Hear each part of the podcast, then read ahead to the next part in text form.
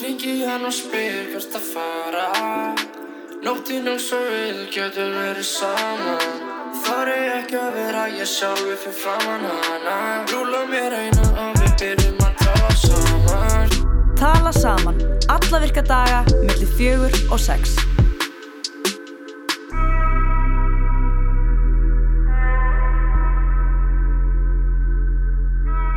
Já, við erum komið með hann Hjalta Vigfússon til okkar enna í hljóðvarið í Tala Saman. Um, Hjalti Vigfússon, hvað segir þú gott? Verstu velkominn. Takk, ég segi bara allt gott Já. Gaman að komin Við fengum hann Hjalta enga til okkar, uh, vorum að segja það, hann er popkultúr, sko, ég var ekki viss spekingur eða séni eða svona... Viskubrunnur Ég, ég nenn ekki að kalla fólk lengur eitthvað svona popkultúr nörda. Það er Nei, eitthvað það búið, eru sko. allir popkultur nördar sko. Já, svona á sinn Já, hátt ekki en Jakob, en Þú ert svona Nei, ég verð að viðkynna, ég er nú kannski ekki, ekki sá skarpast í, í þessu sko en, en þú er svona viskubrunnur þegar það kemur að Já, svona, til dæmis emmi tilnefningum og, og svo Mm. Já. framvegis já, við erum að fara að ræða þessar emmi tilnæmningar. Þetta er, aðna, getur þú sagt mér, aðna, hvað er, veitu, af hverju er emmi svona stórt dæmi, af hverju skiptir það svona miklu máli? þú veist, Ok, Emmy verðlun eru bara fyrir sjómvart þar sem Óskarinn er fyrir kvikmyndir já, ok. Þetta er bara, Þetta er það á skipta hreinu. Mhm. sömu lögumálum kostninguna, þú veist, þetta eru bara fólkið í bransanum að kjósa sem sagt, um það besta sem gerðist á árinu Mhm. Ok, og, hérna, og tímabilið er sem sagt miðast basically bara við, þú veist, gömlu TV-formutin, þar sem voru bara seríur sem gengu frá hausti til vors Mhm. Þannig þetta er allt sem að gerðist frá 1. júni 2018 til 31. mæi ár sem verða að kjósa Mhm. ok, Mhm. Ok. Og, eh, og það þig? þykir fínt, sko, að fá emmuvelun sérstaklega mm. þetta er kosa í jafningum, sko Já, þetta er, fólk keppist um að fá þetta, sko. Ég, Já, ég man að ein kona sem, ein kona sem ég fíla mjög mikið, hún er Megan Amram, hún bjóð Mhm. til sinn eigin sjómastátt sem heitir hann Emmy for Megan mm og er bara, bara Já. blatant, veistu hvað þáttur þetta er? eða? Nei, ég hef ekki séð þáttinn en Nei. ég er að follow hann á Twitter, sko Já, ok, hún er skemmtileg. Mjög skemmtileg. Um, ok, þannig að tölum aðeins um þessi Emmy velun. Hvað er stóra fréttin hérna? Stóra fréttin. Sko, það fyrir eftir í hvernig þú lítur að það. Stóra Já. fréttin er eitthvað svona, ok, Game of Thrones var tilnæmt fyrir allt, fekk sko 32 tilnæmningar eða eitthvað. Já, það er rosalega Já. mikið, Það er sko. rosalega mikið. Hefur það gerst áður? Sko, eða? ég man ekki til þess að það vera svona ógeðslega margar. Nei, Ég held að þau eigi hitt metið. Já, Þú veist, það mjög er eitthvað líklega, sko. annað met Sem fyrir þau- Emmy tilöfningar og það er líka Game of Thrones sem Emmy Mhm. En það sem er að gerast núna og er að, þú veist, sem er til þess að fá svona ógeðslega margar núna, er að núna er allt í einu verið að tilnefna alla leikarana, Mhm. mm, sem er út í þetta senasta serían en er samt óskiljanlegt.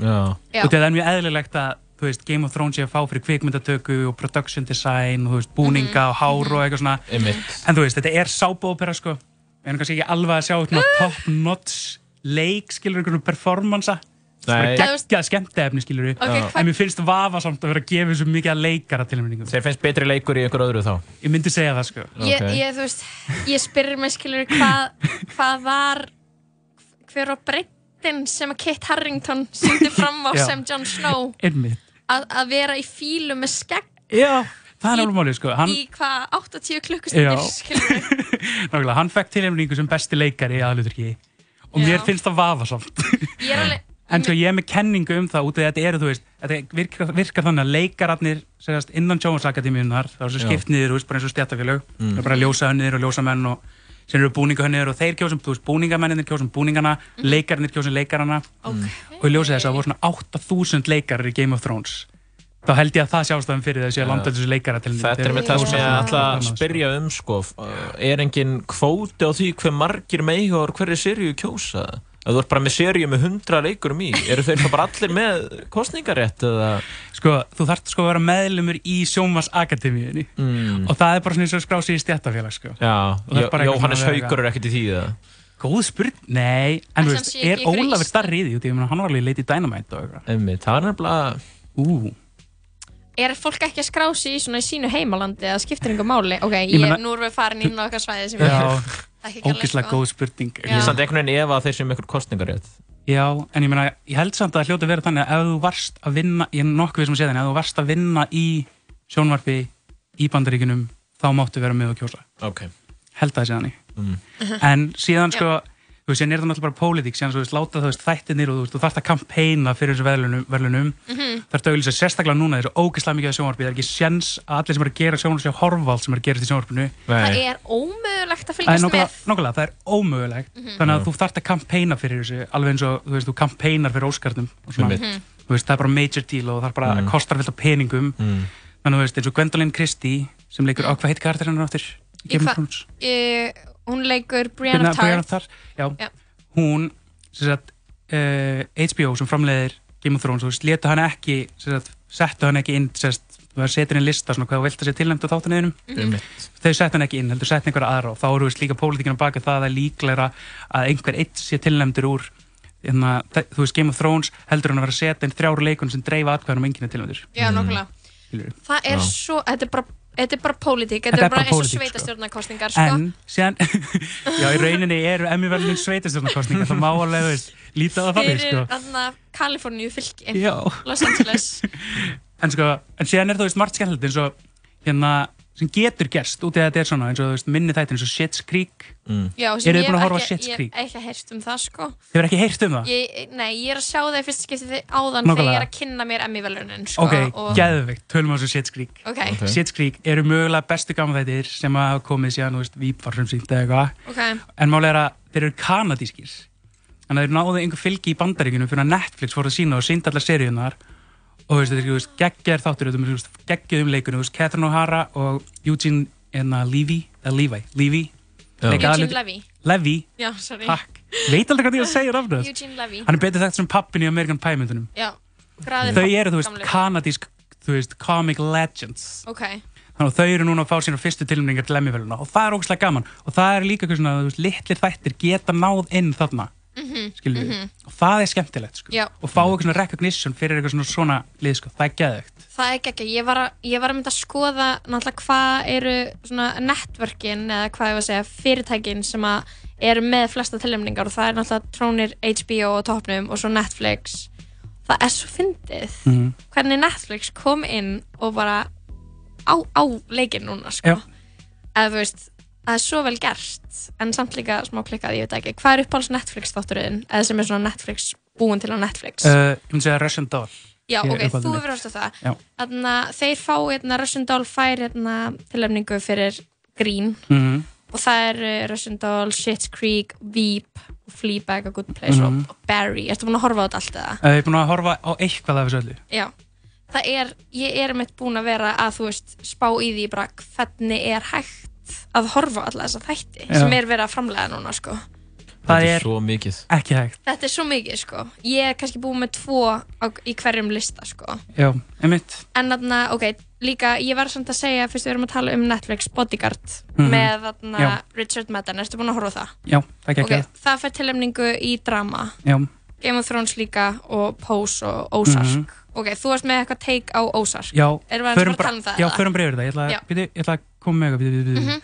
hvað varst að segja undan þessu, um hvað Ég, þátt varst ég var að að tala tala um Russian Doll Þannig og, Russian Doll og svo var ég að tala um Bodyguard með Richard Já, Madden bodyguard. já, Það er líka eitt sem við tala sko við pólitíkina við þetta því Já. að hérna, Richard Madden, hann fekk hérna, velin sem besti aðalíkarinn á Golden Globe Mhm. en Mhm. hann er ekki tilhendu til Emmy Mm. núna, sem er svona ágæðið diskonlegt og það er eitthvað svona smá því Golden Globe eitthvað svona gefur fyrir eitthvað aðeins á undan Mhm. það er eitthvað smá eitthvað svona vera aðeins öðru sig það er ekki tilhendu, það er eitthvað svona smá pólitíki því líka en hérna Mm. ok, en þessi þættir sem eru, þú veist eins og þú segir, ekki hægt að horfa á þetta allt og þá lauma sér einn svona þættir sem að eru svo miklu aðgengilegri fyrir fólk eins og þú veist, fucking This Is Us ok, sem er tilhengt sem besti þátturinn, besti dramaserían já, og Ozark út af því að það er Netflix-sería, þú veist, báðir þessi þættir þeir fá ekki sérstaklega góða dóma, þeir eru ekki sérstaklega góði þættir en þeir eru að vinna á einhverjum, svona, einhverjum ákveðnum öðrum levelum, þetta er bara eitthvað svona aðgengi í gegnum Netflix, sem Já. fyrir Ozark Já. og aðgengi bara í gegnum að þetta er alltaf í gangi á ABC, þú Já, veist, This já. Is Us NBC NBC, já, Já, ég, veit, ég hef séð smá af This Is Us og ég verð bara Mhm. að segja að þetta er uh, eitt bara það, bara svona, mér finnst það bara mjög lélegt skilur við sem bara kalla hlutinu réttu nöfnum Já. þetta er bara, þetta er svo langt frá því að vera eitthvað gott sjómasöfni eða Já. góð list þetta er bara svona tilfinningaklám skrifað fyrir hvítar útkverfa mömmur í bandaríkunum og víðar, skilur, þetta er sínt um allan heim Já.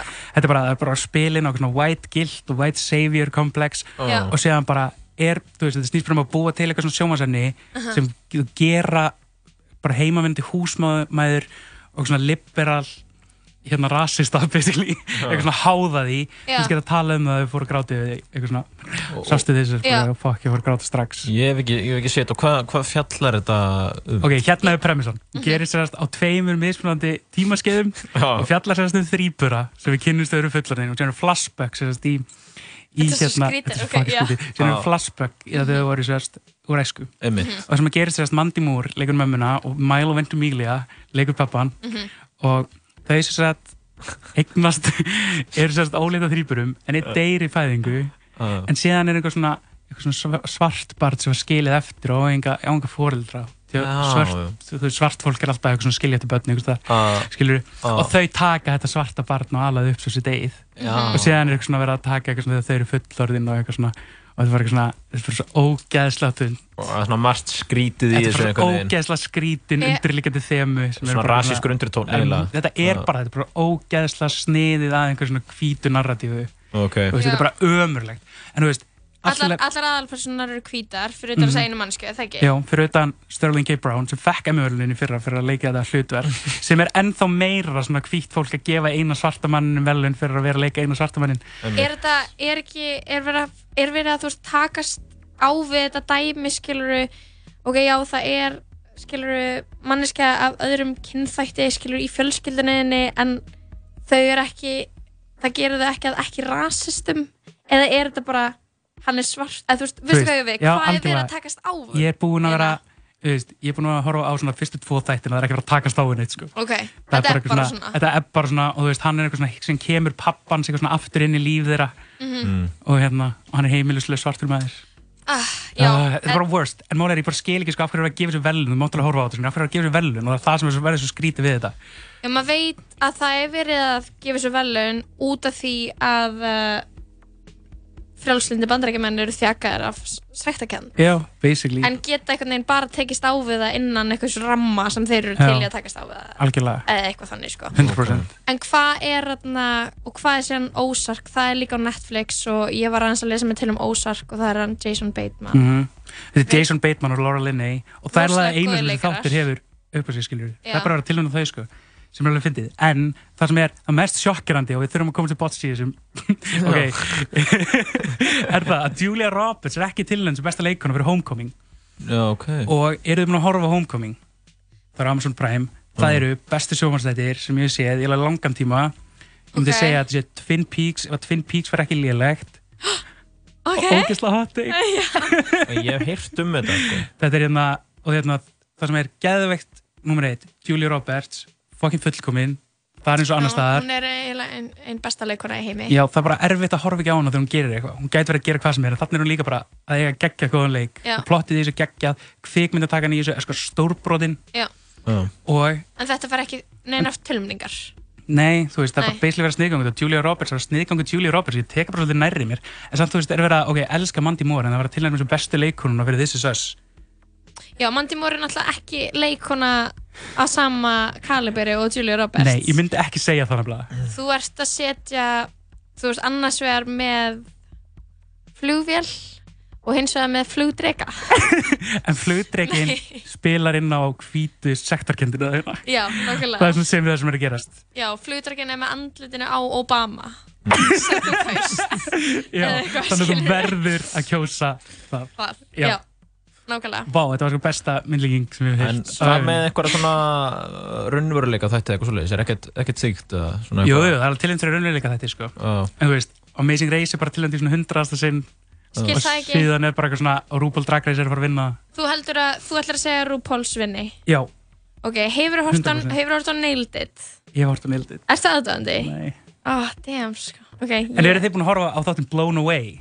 Nei. Krakkar, þið verða að horfa á Blown Away Ég- Það eru Og ég, ný veit, ég raunveruleg- skil ekki þetta, er- þetta er 20. þátturinn Þú ert búin að vera hérna í þrjár mínútur og þú ert búin að segja mér að horfa á 20 þætti Lóa, sko, málið er bara að þú ert með svo mikið aðtilsprest og þú eru einbyttir þegar þú horfa á sjóvarp Ég get verið að elda og horfa á sjóvarp á sama tíma og með þetta ekki alls, sko Já, einmitt, ég, mér langar í þennan hefileika sko.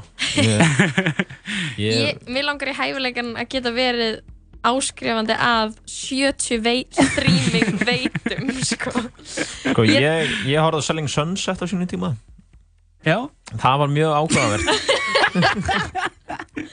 Hefur þú krakkar, hort á það? eða? nei, en ok. krakkar, má ég má ég please segja ykkur frá Blown Away og þetta Já, er raunveruleika já. þáttur um glerblásara þeir eru Nei, Netflix já. og þetta hljómar bara, þetta er bara, þú veist, eins og við höfum talað um áðurlóa í podcastinu þínu, þetta er Já. bara svona raunveruleikin verða skrítnari heldur en skáldskapur Já. og þetta er eins og brandar í 30 rock fyrir 10 árum Á, vegna að þetta er raunveruleika þáttur um glerblásara og þetta Já. Ah. er bara svona sem í Vá. dramatík þegar það brotnar eitthvað og þetta er gegg og, já.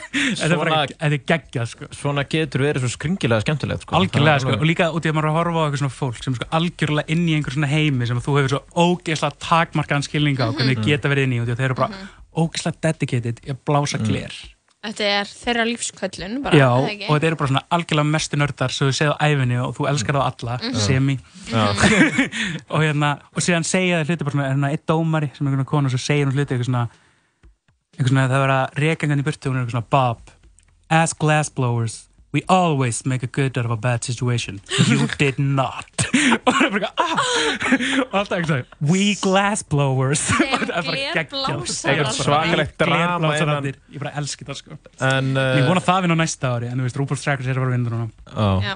Uh, mér finnst svo margir í, í kringum með að vera að tala um Love Island er það ekkert, það kemur ekkert í greina þarna eða? Nei, þú veist, þetta er frekar leiðilegt sko raunveruleika þáttur en ég, þú veist, ég horfi líka á, þú veist, á Real Housewives of New York, það er geggjað Mm. þú Já. veist, það er ekkert að fara á tilnefningu þarna Nei. það verður að vera eitthvað aðeins En ég held um þetta þættir eins og Real Housewives, þeir eru með svona cult following í Já. bandaríkjanum með það ekki. Þú En þú veist, er ekki bara allir þe- að þetta er horfa á þetta, þetta er geggjað sko. Já, Anna, Real Housewives, við erum búin að vera að velta fyrir okkur svona ég og Hjalti hverjir væru í svona þætti eða neyri gerðar á Íslandi, sko. Já, og Risa- Real Housewives of Reykjavík City Já, Við erum náttúrulega góðan lista já hvað heldur þú, Jakob? Það væri gerður svona raunverulega þáttur um, um húsmaður. uh, Lóa Pind Ok, uh, Lóa Ah, Pinn bara- bara, ah, leið mér ekki svona. ég veit bara Ah, Lóa, Pind. ég veit bara að Lóa Pind þarf að vera hluta af þessu á einhvern hátt, ég veit ekki alveg hvernig Sko, mér finnst það ekki útlokað Nei. Ég þekki ekki Lóa Pinn nógu vel til að geta lagt dóma á þetta en hún hefur gert nokkra skrítna sjónvarsþætti og Já. það alveg bótar vel fyrir Og hana. hún Hvað var að gæti láta jafnvel mér að bara- deyja? Nei, veitu, hvað kallar það? hún, gerði, hún, hún tók bara eitthvað svona, svona musliman er okkar Já. og Ég vil nördan, deyja. og fossan er líka okkar svona fangarnir okkar hún tók bara eitthvað svona, svona, svona session sem hún gerði svona fjóra seríur í röð sem voru eitthvað svona byðir einhver svona En- bandar í þessu en æsir Lóa getur verið svolítið fín í eitthvað hún er að elda kásu og maðurinn er í vinnunni kemur hann heim klukkan 5 eða 6 hún veit það aldrei eitthvað svona, þú veist, hún getur gert oh my skilur, god, hún getur verið voice over þú yfir veist, já, og hún getur skilur þú veist, því að þú verður að hafa einhverja hæðir og lægðir það já, og, þú veist, og það er svolítið erfitt hjónaband hjá kannski einni skilur Já. og þá er hún að dramatisera sko það, veistu hvað ég meina Mhm. eitthvað eitthvað svona, Ah. já, hún getur verið svona já, in-house dramatúrg í kastinu já, Mhm. hann neytar að sækja börnin eitthvað svona, þú veist þetta væri svo fullkom sko ok, það er auðvist að þú horfur aldrei á Real Housewives út í að þær sækja börnin sín aldrei sjálf þau sjá börnin sín Já, svona ok. tvisvar í mánuði okay. Já, einmitt. En ég meina, er það Og sem í þannig á- börnir eru fullorðin. sko. En er ekki Já. flest, flestar svona, þú veist uh, Er það ekki svolítið þannig samt? Væri það ekki þannig á Íslandi eða væri við að Þú taka þetta á einhvern standard? Eða? Ég veit það ekki sko, málið er að það er bara mikilvægt sko að þú þarfst að geta gert mikið mál úr öllu sem kemur fyrir þig Mm. og lítið mál úr öllu sem er mikilvægt að kemur fyrir þig Já.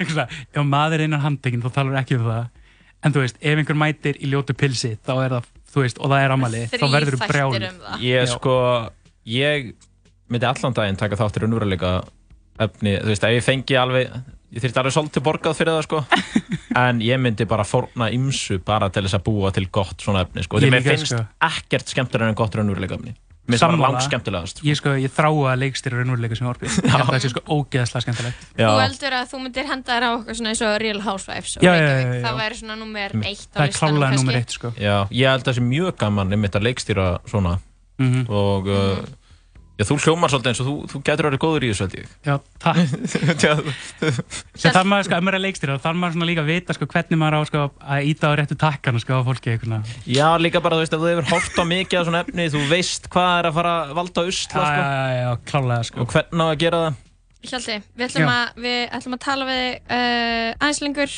Fyrst ætlum við að hlusta eitt lag, við ætlum að koma enda aftur og þú ætlar að segja okkur aðeins, þú varst að tala um eitthvað veðmál í sambandi við Emmy-velunin, eða Já, ekki? næsta segment er fyrir spilasíkla Ok, þetta er næst, já, næst tölum við um eitthvað sem höfðu til spilafíkla, við erum hérna í tala saman og komum aftur uh, eftir þetta lag. Já, farið ekki langt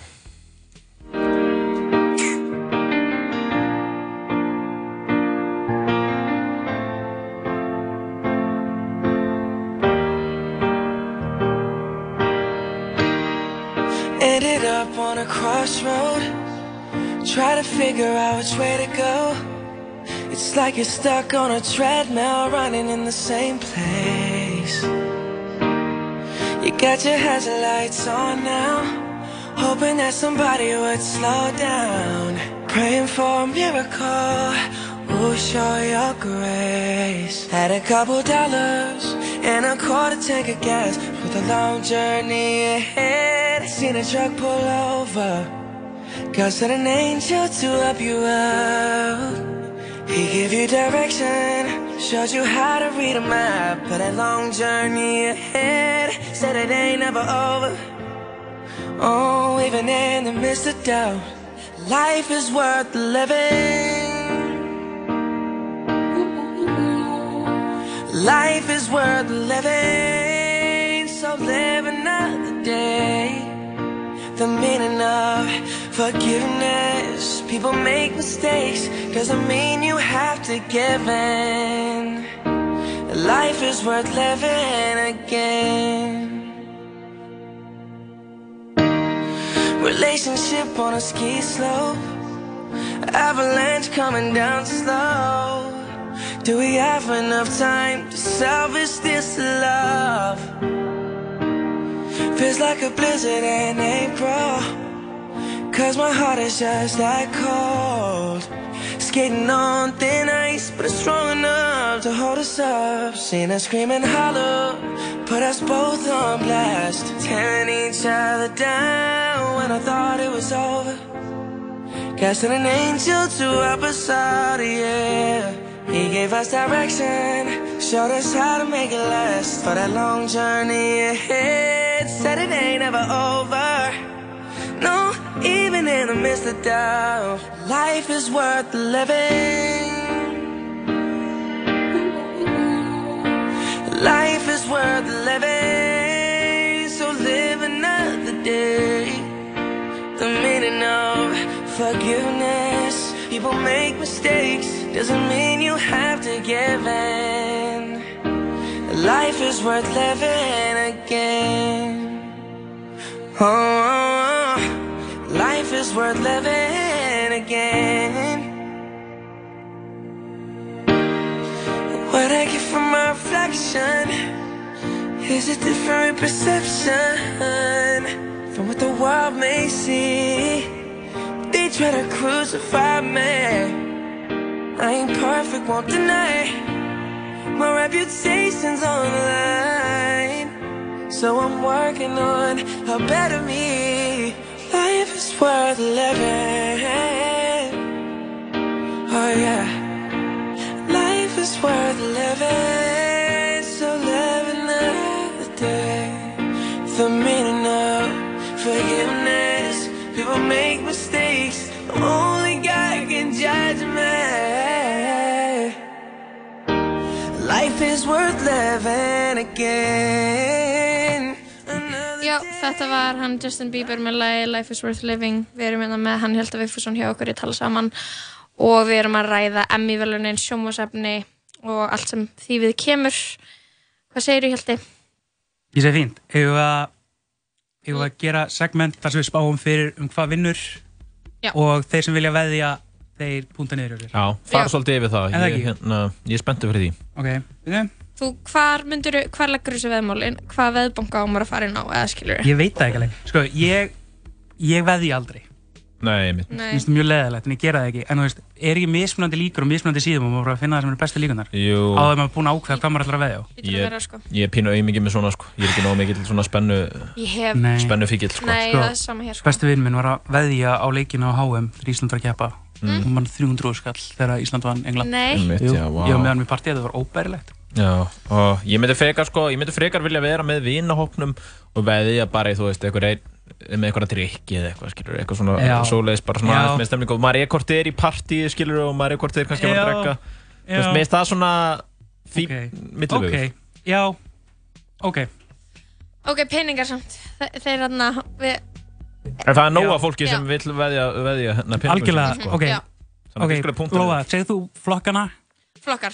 Ok, segðu tilnefningarnar, Uh. ég segi hvað er að fara að gerast Ok, uh, besta eh, grín þáttaröðin. Hver eru tilnefnir?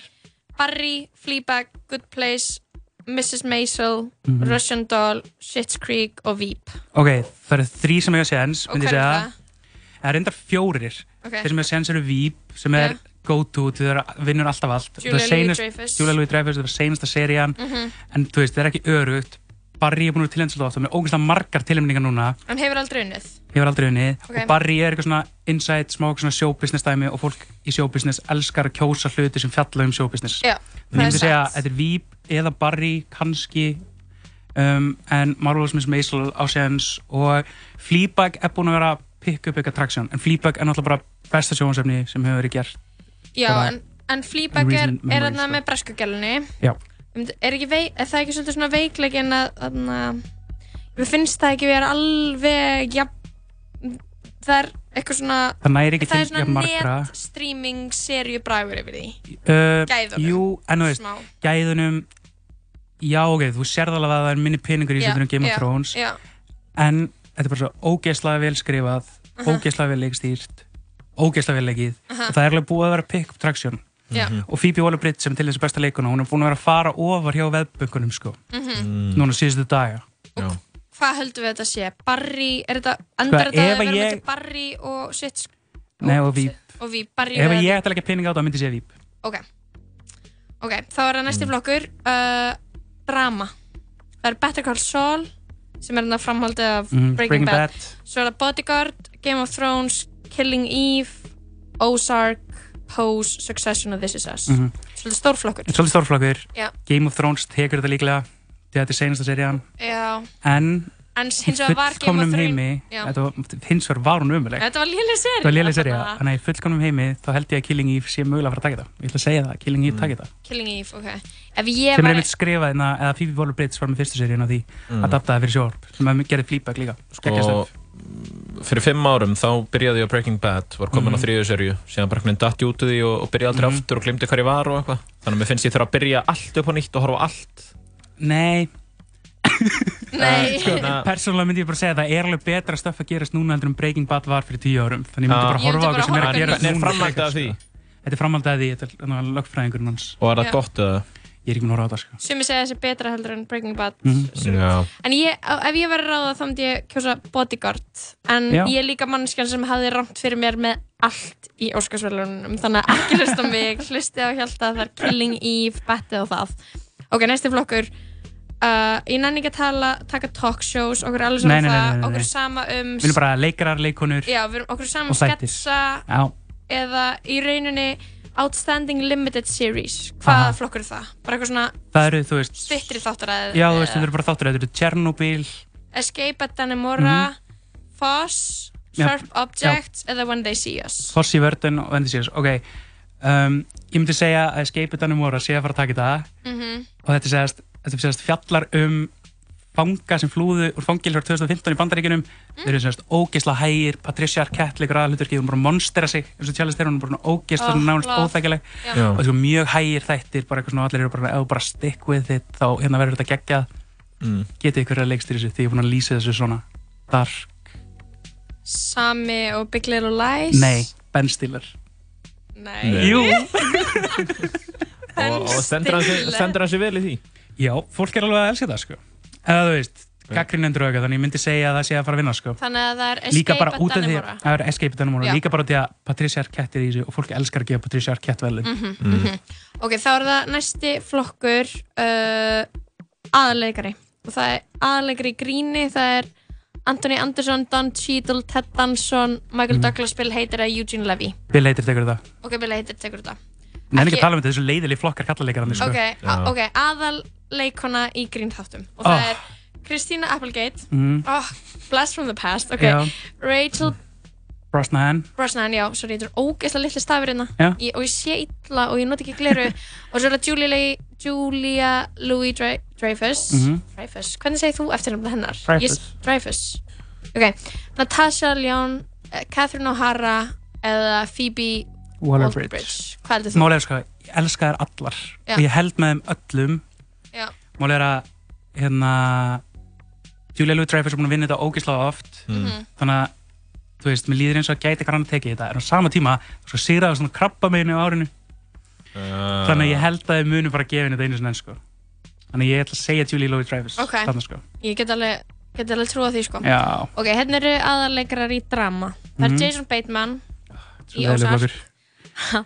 Kit Harington Sterling K. Brown Gaurinn úr This Is Us sem mm -hmm. Mhm. var að tala um aðan Bob Odenkirk Billy Porter eða Milo Ventimiglia það eru Sko, tveir leikarar úr This Is Us tillemdir sem besti Já. leikari ok, og þetta en er ekki góð þættir Já, það er svo þetta er mikið bara- skam það er bara svo mjög rugl sko. en allavega, uh, það sem er að gerast hér er að það eru 90% líkur á annarkort Bob Odenkirk sem leikur í Better Call Saul já, alveg, eða Jason Bateman sé að fara að taka þetta já, en það er svona 10% líkur á að Billy Porter sé að fara að taka þetta og ég vona hans að geða mikið út í hann er þú höldum með the honum best human já, já, við höldum með Billy Porter en, en þú veist, en ef það Þetta er væri, Jason ef það væri Bateman verðlunaflokkur og Bob fallegasti leikari í dramaseríu þá verða Mhm. það Kit Harington Hann- en hann, þú verður Já. þeir sem er ekki með að hlusta á nýjasta þáttin af podcastinu hennar Lóu þá talar hún bara ítarlega um hvernig hún er, hérna, er obsessed á Já. honum um, sorry, það er bara þetta er bara fallegasti maður í heimi Já. Þannig að- ok, svo er það outstanding það er bara besta leikuna í dramaseríu og það er Emilia Clarke, Jodie Comer Viola Davis, Laura Linney Mandy Moore, Sandra Oh eða Robin Wright Sandra Ó er að fara að vinna það og því að, sko, ég held að fólk get ekki beðið eftir að gefa Sandra Ó velun fyrir þetta og því munið þegar hún var að hosta Golden Globin um daginn Mhm.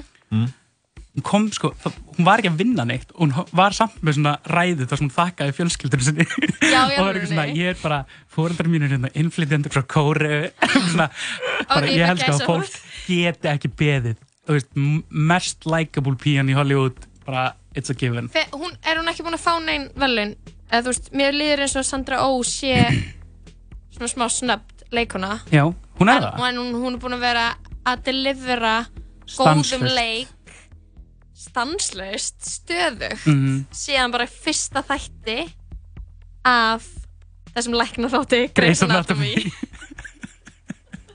Þannig að þú veist, það er It's her time Já, það er komið að Það er komið Sandra að Ó, við Sandra ætlum að Oh. setja peningan okkar að Sandra Ó Já, Ok, þarna næsti flokkur uh, besti aðleikari í þarna limited series eða mynd mm, og það er Mah Mahershala Ali Benicio del Toro, Hugh Grant Jared Harris, Gerald Jerome eða Sam Rockwell sko mér er alveg bara alveg Já, sama sko. næsti flokkur, Já. ok að aðleikuna í limited series eða mynd Mhm. Amy Adams, Já, Patricia ah. Arquette og ég get ekki satt nafn hennar Onshanu Ellis Anjanou Ellis, Mhm. Joey King, Nisi Nash eða Michelle Williams.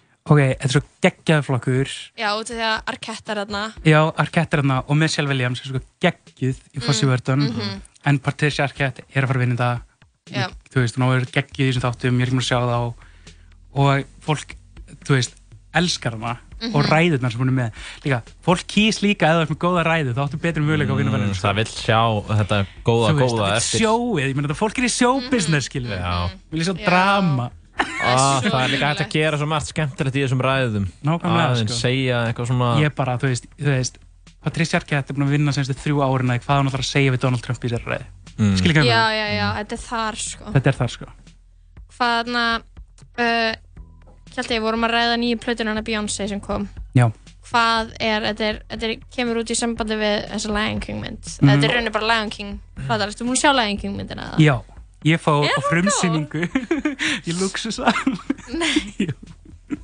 með öðru óstabili fullandum fólki Já, þetta var eitthvað svona vegum bátt. Við ætlum Vá, að- en það var samt geggjað Er hún góð eða? málið er, hún er nákvæmlega eins og tegnumyndin þú veist, það hefðalega mátt taka eitthvað svona aðeins annar vingil á þetta Já, En málið er þetta er bara fullkomlega köstuð bíómynd já, já, og Billy Eichner er fullkomin í henni já. Seth Rogen er geggjaður, Beyoncé er hana Donald Glover, Mm. Mhm. þú veist þetta er aldrei að fara að vera leðilegt sko Nei, en ef þú ég vilt veit endur ekki. upplifa tráma þegar múfasa deyr nema núna er þetta í alvörni ljón þetta er bara ljón, þetta er bara ljón þú sérð ekki að það er gerfi ljón og það talar og það deyr og sem kemur sætasti ljónskvalpur sem er æðin síð og fyrir að gráta og ef þú vilt endur upplifa þetta tráma nema Fórstu- bara svo fórstu að gráta? miklu raunverulegra ég bara þurfti að horfa frá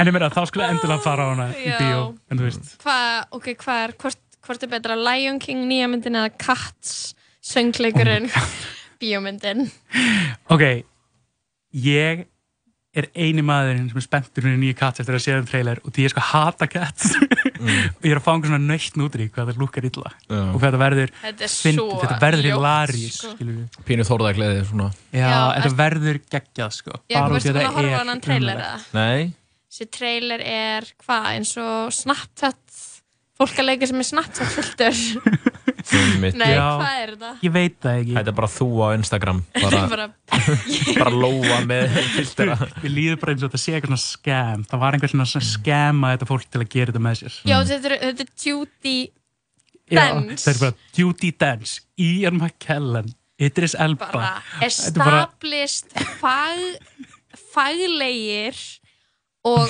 frægir leikarar að mm. niðurlega sig Já, í nýri kvikmynd og málega, ég Ég- held sko fyrst að þetta væri einhvers konar publicity stönd Já. út af því að ég ef ég var að framlega þessa mynd, þá myndi ég aldrei senda þetta frá mér svona vitandi af símtölunum sem ég myndi fá frá umbásmönnum Ian McKellen og Judy Dance þegar þetta kæm út skiljið ég að vera mm, Já Það væri bara svona fokkin lélegt karriérmúf En um, Já, Emmy verðlunin eru hvað í september Já.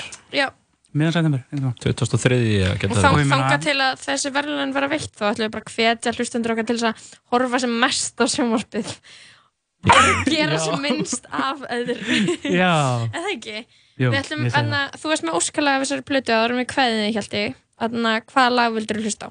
það uh, Neglum bara í spirit, Ég held að það sé eina vitið, sko. uh, from Disney, The Lion King anna, við ætlum að hlusta á það uh, og þakka þér bara kærlega fyrir komuna í þáttin Hjalti takk fyrir að bjóða mér og Frábært að fá þig já, það var aðeins að fá að heyra þitt teika á þessu öllu og, og þessi spámaður við, við erum að fara að betta eftir Já, Jakob, er það við ekki? fylgjast grann með því, ég ætla að henda nokkur um sæðalum á þetta. Já, við, ætla- við komum aftur uh, na, innan skams með nýja waveið en þetta er Spirit, gerð svo vel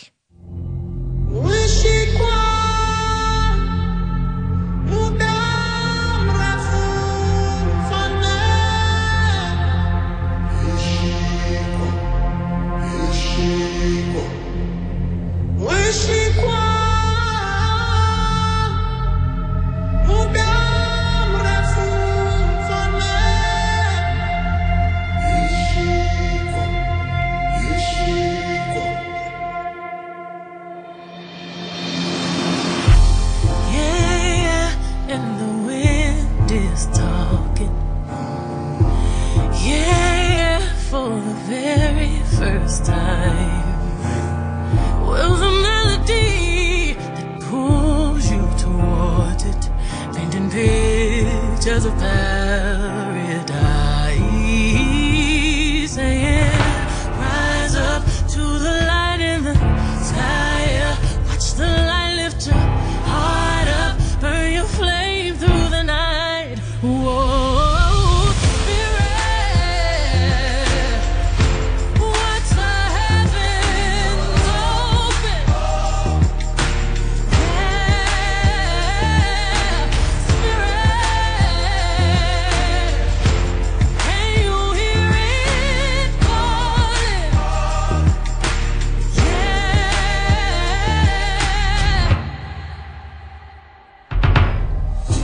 Okay, yeah, and the water's crashing. Trying to keep your head up high. While you're trembling, that's when the magic happens. And the stars gotta fight by your side. Saying, Rise up to the light in the sky.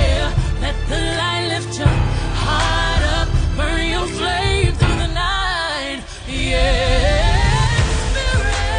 Spirit, watch the heavens open. Yeah. Spirit,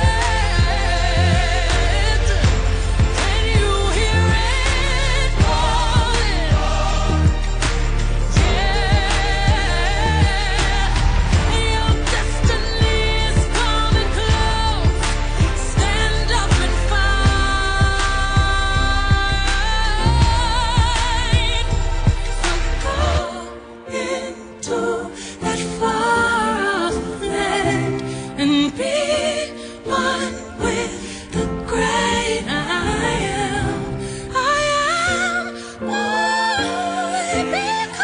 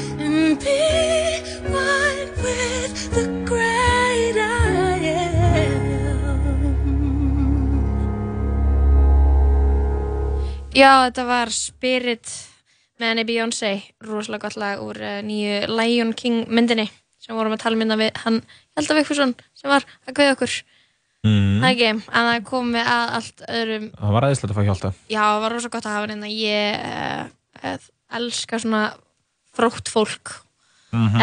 fró, frótt og skemmtilegt fólk en hvað er næst það er náttúrulega nýja waveið Já, Nei.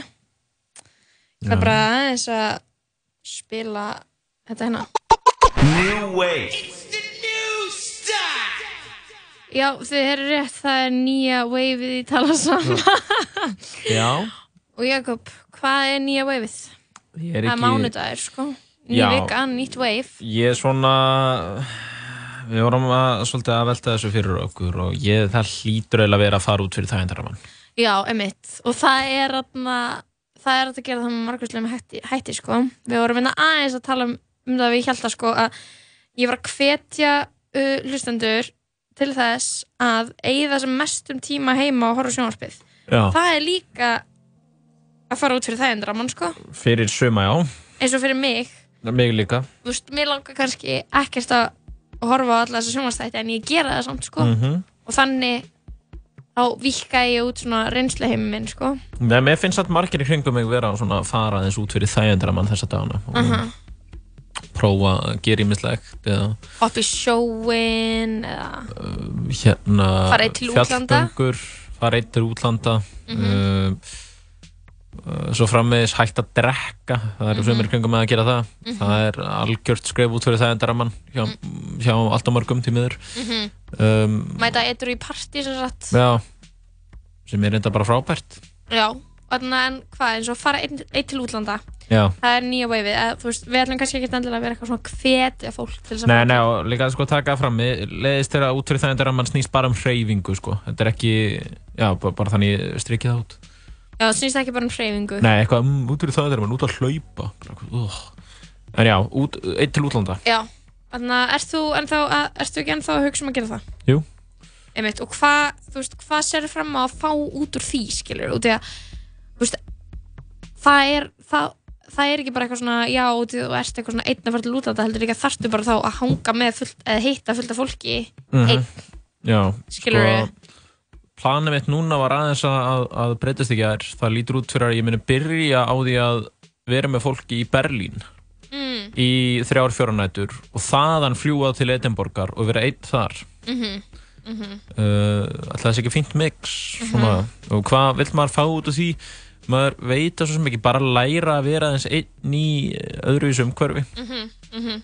og uh, þar sem að það er í raun og veru engin sérstakur sem maður getur haft samband við eða neitt og maður þarf bara að fara að skoða það sem bara finna hvað maður vill gera -hmm. ákveða, taka ákvarðinu Já. sjálfur sko. hvað vill maður gera þegar maður er einn í útlandum ég held að það ég held að þannig séu við svolítið búin að kjarna sko, þægindaramann mm. þægindaramann er svæðið sem þú ert inn á Mm. á þess að vera þess að þú þarft ekki að taka mikið ákvarðunum sjálfur Mm. eða hugsa mikið Mhm. eða velta fyrir þér ákvarðinu að gera eitthvað þannig að þegar maður ætlar út fyrir þægindaramann þá er maður svona eitthvað, ok, hvað þarna hvað er það sem ég er að fara að gera skilur Mm -hmm. og ég held að sé einn ein hlutur á viku held ég, væri góður hlutur eða þú veist, góð, góður stað til að byrja á sko. Já, þetta er líka bara sko, þetta þarf ekki einu svona þetta þarf ekki einu svona að vera eitthvað sem er eitthvað fárunlega erfitt en þetta er líka svona já, ég var að hugsa um hérna þú veist, gamlan æskuvin sem ég alltaf verið í einhverju bandi við ég hef ekki heyrt hérna svona tíma, bara ringi í hann skilur, Mhm. eitthvað þannig Þa, það, það er svona, já, nú gaman að ég gera það eða eitthvað svona, eða bara þú veist, þetta getur verið svo margt sko. Mhm. bara svona aðeins smá svona bara kýla á það og klára þetta og hérna, veist hvað ég meina já, þú ert að minna mig á ég var bara að muna að ég þarf að ringi einn æsku vinn sko. Já, mér er alltaf að reykast eitthvað smá á en já, það er bara komið tíminn til að chilla saman sko, já, bara ríða vaðið ríða á aðið sko. mm en það var runner up fyrir nýja væfið Já, sem var að ríða vini og slíta öllum samböndum við hann í kjálfarið já, það, það var, var hitt nýja veifið Ég spurði eh, uh, hérna ónumdar einstakling uh, hvert nýja veifið hans væri Uh, og því ég var aðeins að nefna þetta með þægindiramman og þetta er eini sem var ósamála með mig um það og hann sagði að það var ég að, að hérna, já, sænga á vini og, og slíta sambandinu við hann Mhm. ég, ég, er svona, ég verð að segja uh, persónulega, ég skil ekki alveg hvernig það getur verið eitthvað nýtt veif, ég held að það sé ekki tjörlega nýtt nei og hvað þá eitthvað, Eitthvað gott, wave. eitthvað veif, ég held að leiði yfirleitt til bara einhvers neikvæð sko Mhm. en þetta er svona eitthvað til að hugsa út í þetta er svona, ef það, ef það er eitthvað vinnur annars annarkvort að, að, að hafa stjórna kynlýfsfing sinni eða þá að, að, að geta gert þetta á átt eh, í hilbriðum samskiptu komandi eftir. nei, pældi hvað þetta er samt gaman líka Hvað þá? Að slíta sambandi við góðan vin? nei, bara Skil því. sofa hjá vini skilur við Já, það getur vafalaust verið skemmtilegt sko, en uh, það gildir nú bara eins og mimislegt, mm -hmm. lofa. algjörlega, ég er bara aðeins að grínast en herru, ég var að, ég var að, að horfa á skemmtilega þátt í gæri, ég var að horfa á nokkra spjallþætti Mm. uh, Jimmy Fallon Emmett, Jimmy, og og Kimmel líka mm. og hún Nicki Minaj, hún var gestur í þættinum já, hún, þau fóru saman á Red Lobster og voru að geða sér á okkur um humar og eitthvað en hún var þarna að kyn, að kynna nýja singulun sinni sem heitir Megatron já.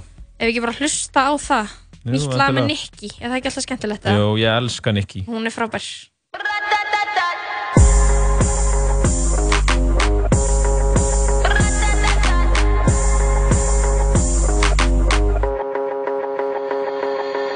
They call me Megatron, just did a telethon. He got my jealous on, and I get my jealous on. I fuck him like I miss him. He, he just came out of prison. Bitches be talking shit, but they ain't got a pot to piss in. My name is Nikki M. I'm in a sticky bins. That mean it's candy apple red. I'm Barbie, this is Ken. That is a Fendi fact. I'm with a hundred max. Oh, this is custom made. Donatella sent me that. Fill up, baby, fill on me. Pull up if you're feeling lonely. Fill up, baby, fill on me. Pull up if you're feeling lonely. Shot, shot, shots I'm drinking. It's better when I'm drinking. I tune up when I'm drinking. Rum, rum when I'm. Shot, shot, shots I'm drinking. It's better when I'm drinking. I tune up when I'm drinking. Rum, rum when I'm.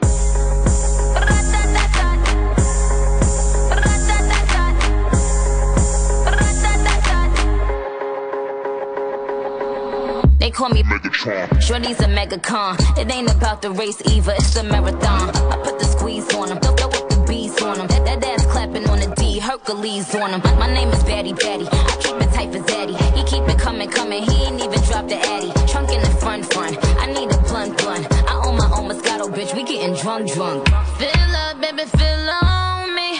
Pull up if you're feeling lonely. Fill up, baby, fill on me. Pull up if you're feeling lonely. Shot, shot, shots I'm drinking. It's better when I'm drinking. I tune up when I'm drinking. Rum, rum when I'm. Shot, shot, shots I'm drinking. It's better when I'm drinking. I tune up when I'm drinking. Rum, rum when I'm.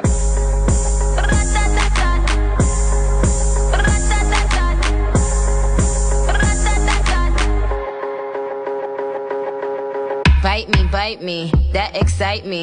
He said it's my pussy. If you eatin' it, do it precisely. Cause I'm a millionaire, this pussy pricey. He said it's my pussy. My, my pussy, my, my pussy. Cause I'm a millionaire, this pussy pricey. Fill up, baby, fill on me. Pull up if you're feeling lonely. Fill up, baby, fill on me. Pull up if you're feeling lonely. Shot, shot, shots I'm drinking. It's better when I'm drinking. I tune up when I'm drinking. Rum, rum when I'm. Shot, shot, shots I'm. Shot, shot, shots I'm. Shot, shot, shots I'm drinking. Rum, rum when I'm. Já, þetta var lagið uh, Megatron, nýtt lag af uh, væntalegri plötu Nicki Minaj. Já, svo sannlega, hvernig finnst þér lagið? Herru, það leggst bara svona ágætlega í mig, sko, skemmtilega taktur, svona reggaeton, eitthvað, skemmtilegt, sko. Já, svona eitthvað pínu, pínu svona flip. Og þetta er, svo fjallar þetta bara um eitthvað svona eitthvað alls konar úr hennar lífi mikið búið að vera að gerast I'm drinking Það er svona- shot, shot, shot það er svolítið það sem hefur verið að gerast eða ekki nei, Mm, þetta er, nei, ég... er ég- lífstillin sko Já, mér finnst þetta fínt en ég náttúrulega, uh, hún svolítið náði hafpunkti sínum þarna þegar hún gáð Starships já, veistu það, Já, það er alveg dásamlegt sko uh, mér finnst mér finnst Superbass svo skemmtilegt lag sko mm. með Nicky, en uh, þú heldur að Starship sé besta lagið en Nicky eða? Já, það er líka til ótrúlega mörg uh, remix af því já einmitt, Þetta er alveg bara svona þetta er snildarlag En kemur hún- öllum í gýrin hún er svo vinsæl samt sko, hún, Hún er bara frábær það er svo mikið af dótið hennar sko sem ég hlusta aldrei á ég er bara eins og að skoða katalógin hennar það er bara svo mikið af dótið, ég er bara, vá, ég hlusta aldrei á þetta með Nicky, en þetta er bara með mjög marga spilunni sko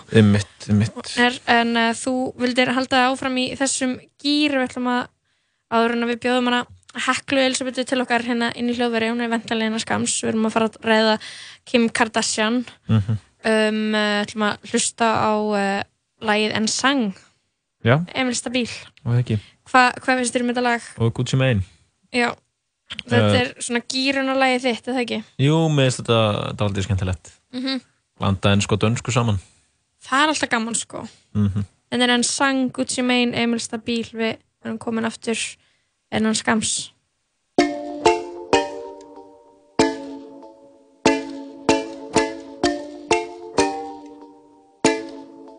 This nigga was my homeboy, we used to move powder. Whip coke up, clam chowder. All about the green J Crowder.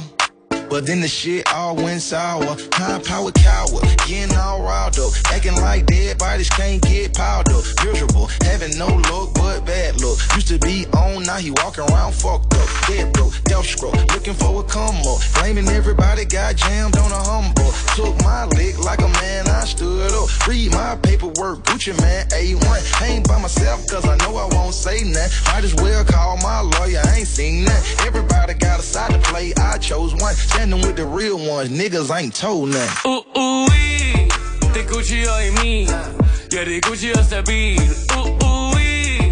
Det er Gucci og Emil Ja, det er Gucci og Stabil Diamanter glimter, så det er nemt at finde mig Iskold om sommeren, jeg er varm hele vinteren Diamanter glimter, så det er nemt at finde mig Iskold om sommeren, jeg er varm hele vinteren Uh, Ooh, ooh, wee.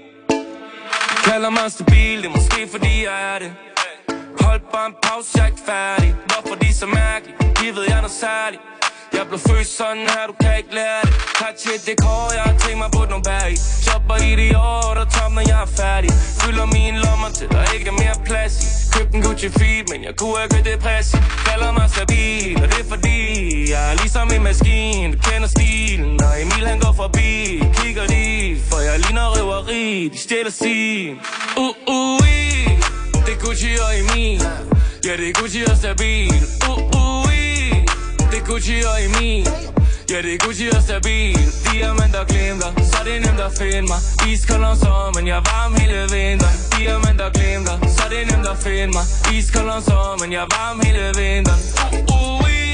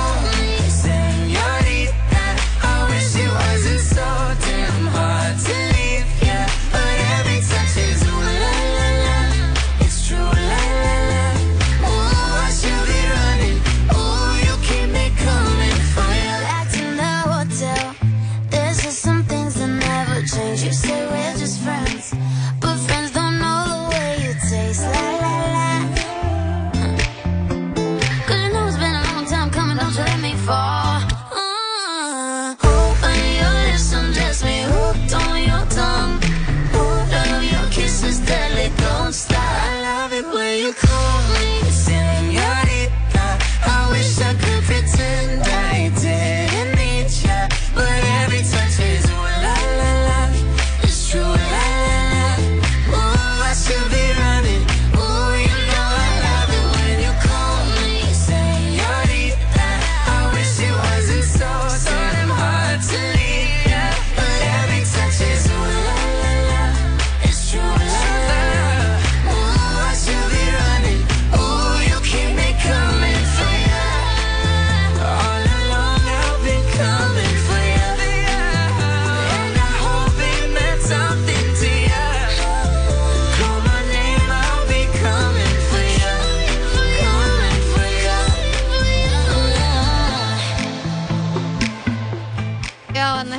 Senorita með Shawn Mendes og Camila Cabello Já, ágætis, frábært fólk ágætis tónar Þetta er ógeðslegt lag. já, svona erum við öll bara með misjafnan tónlistasmekk Já. sko. en þarna, já, takk fyrir að- að koma með þessa innkomu hekla það er æðislegt að fá þingar í þáttinn Það er ekkert mál. Þarna, Hekla Elisabeth Aðalsteinsdóttir komin til okkar, hún er mm, popkultúr sérfræðingur, við erum með svona smá popkultúr þema í dag og, uh, en hvernig hefur þú það annars?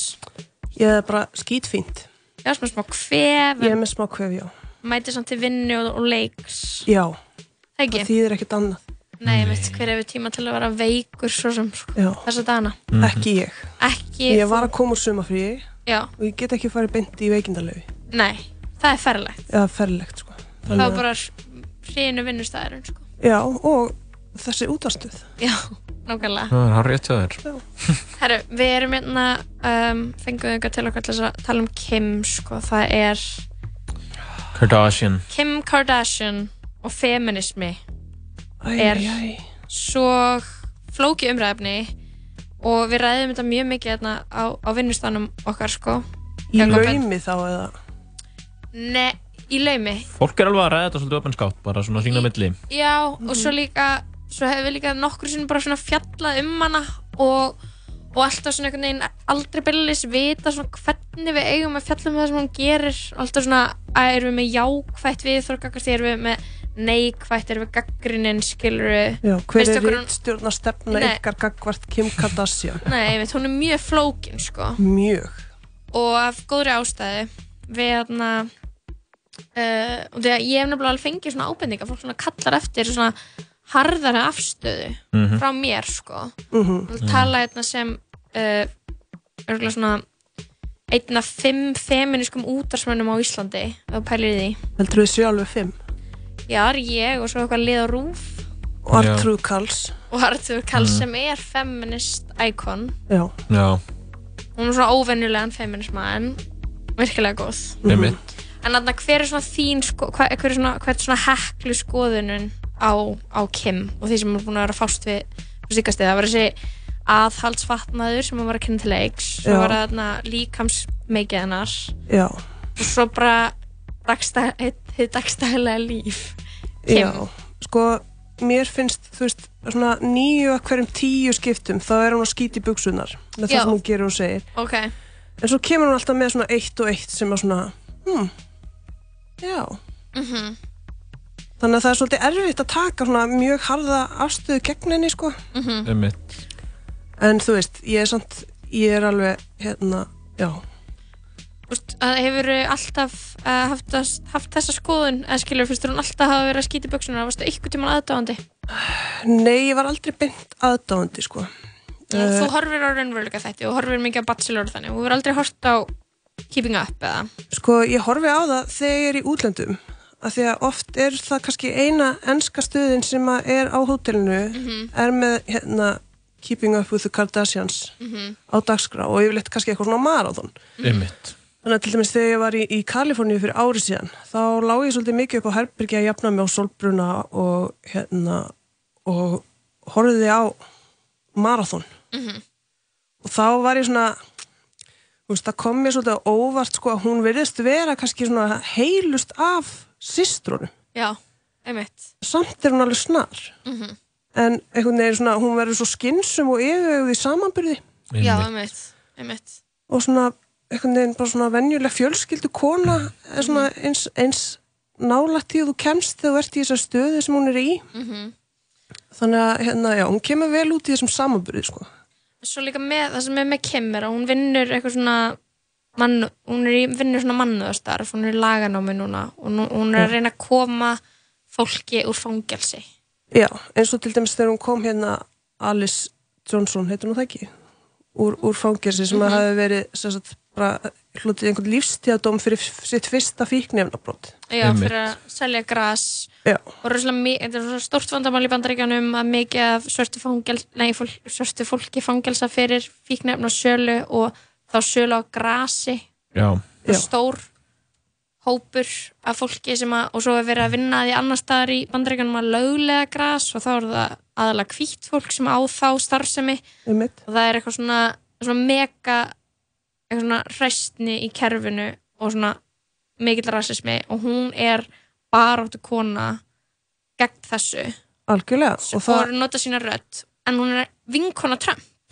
Já. líka á sama tíma já, og ég er svona, þú veist, ég get ímyndað mér að hún sé að það sé svona hafkvæmni sjónaband fyrir henni, sko Mhm. það sé svona betra að vera á góðu hliðin í honum Mhm. og allavega geta eitthvað svona leikið sér meðan mann uppbyrðar hann í, í að hérna fá vilja sinum framgeng ég veit það samt ekki og mér finnst bara mjög seiti þegar fólk stendur við hliðin á Trump og hrækir ekki framann í hann já, Já. En ég en meina hún fekk ákveðnu framgengt þarna, kannski með því að vingast við hann.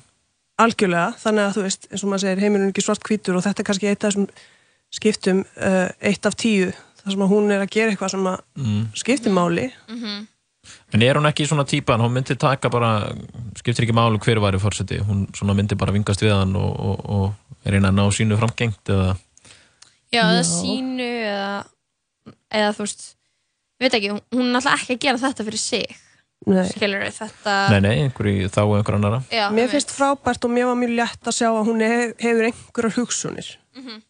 já, algjörlega En svo þú veist þegar maður er bara eitthvað, bara já, hún er nú kannski ekki allslæm. Þá byrjar hún að selja aðhaldsfatnað og, og hérna eitthvað svona body foundation. hvað er svona slæmt við það skilur hvað er, hvað er problematist við það að selja snirtivörur og undirfatna sem er bara samögnin og Rihanna gerir og hún verist einhvern veginn ekki vera jafn problematísk fyrir Nei. fólki og Kim þá velti ég fyrir mér að það út af því að Rihanna er tónlistakona og, og hvað er hvað er það sem böggar fólk svona mikið við Kim eða þú veist hvað, Já, sko það trubla mig ekki að hún skuli selja snirtivörur. nei, En að búa til einhver svona gerfi þörf Mhm.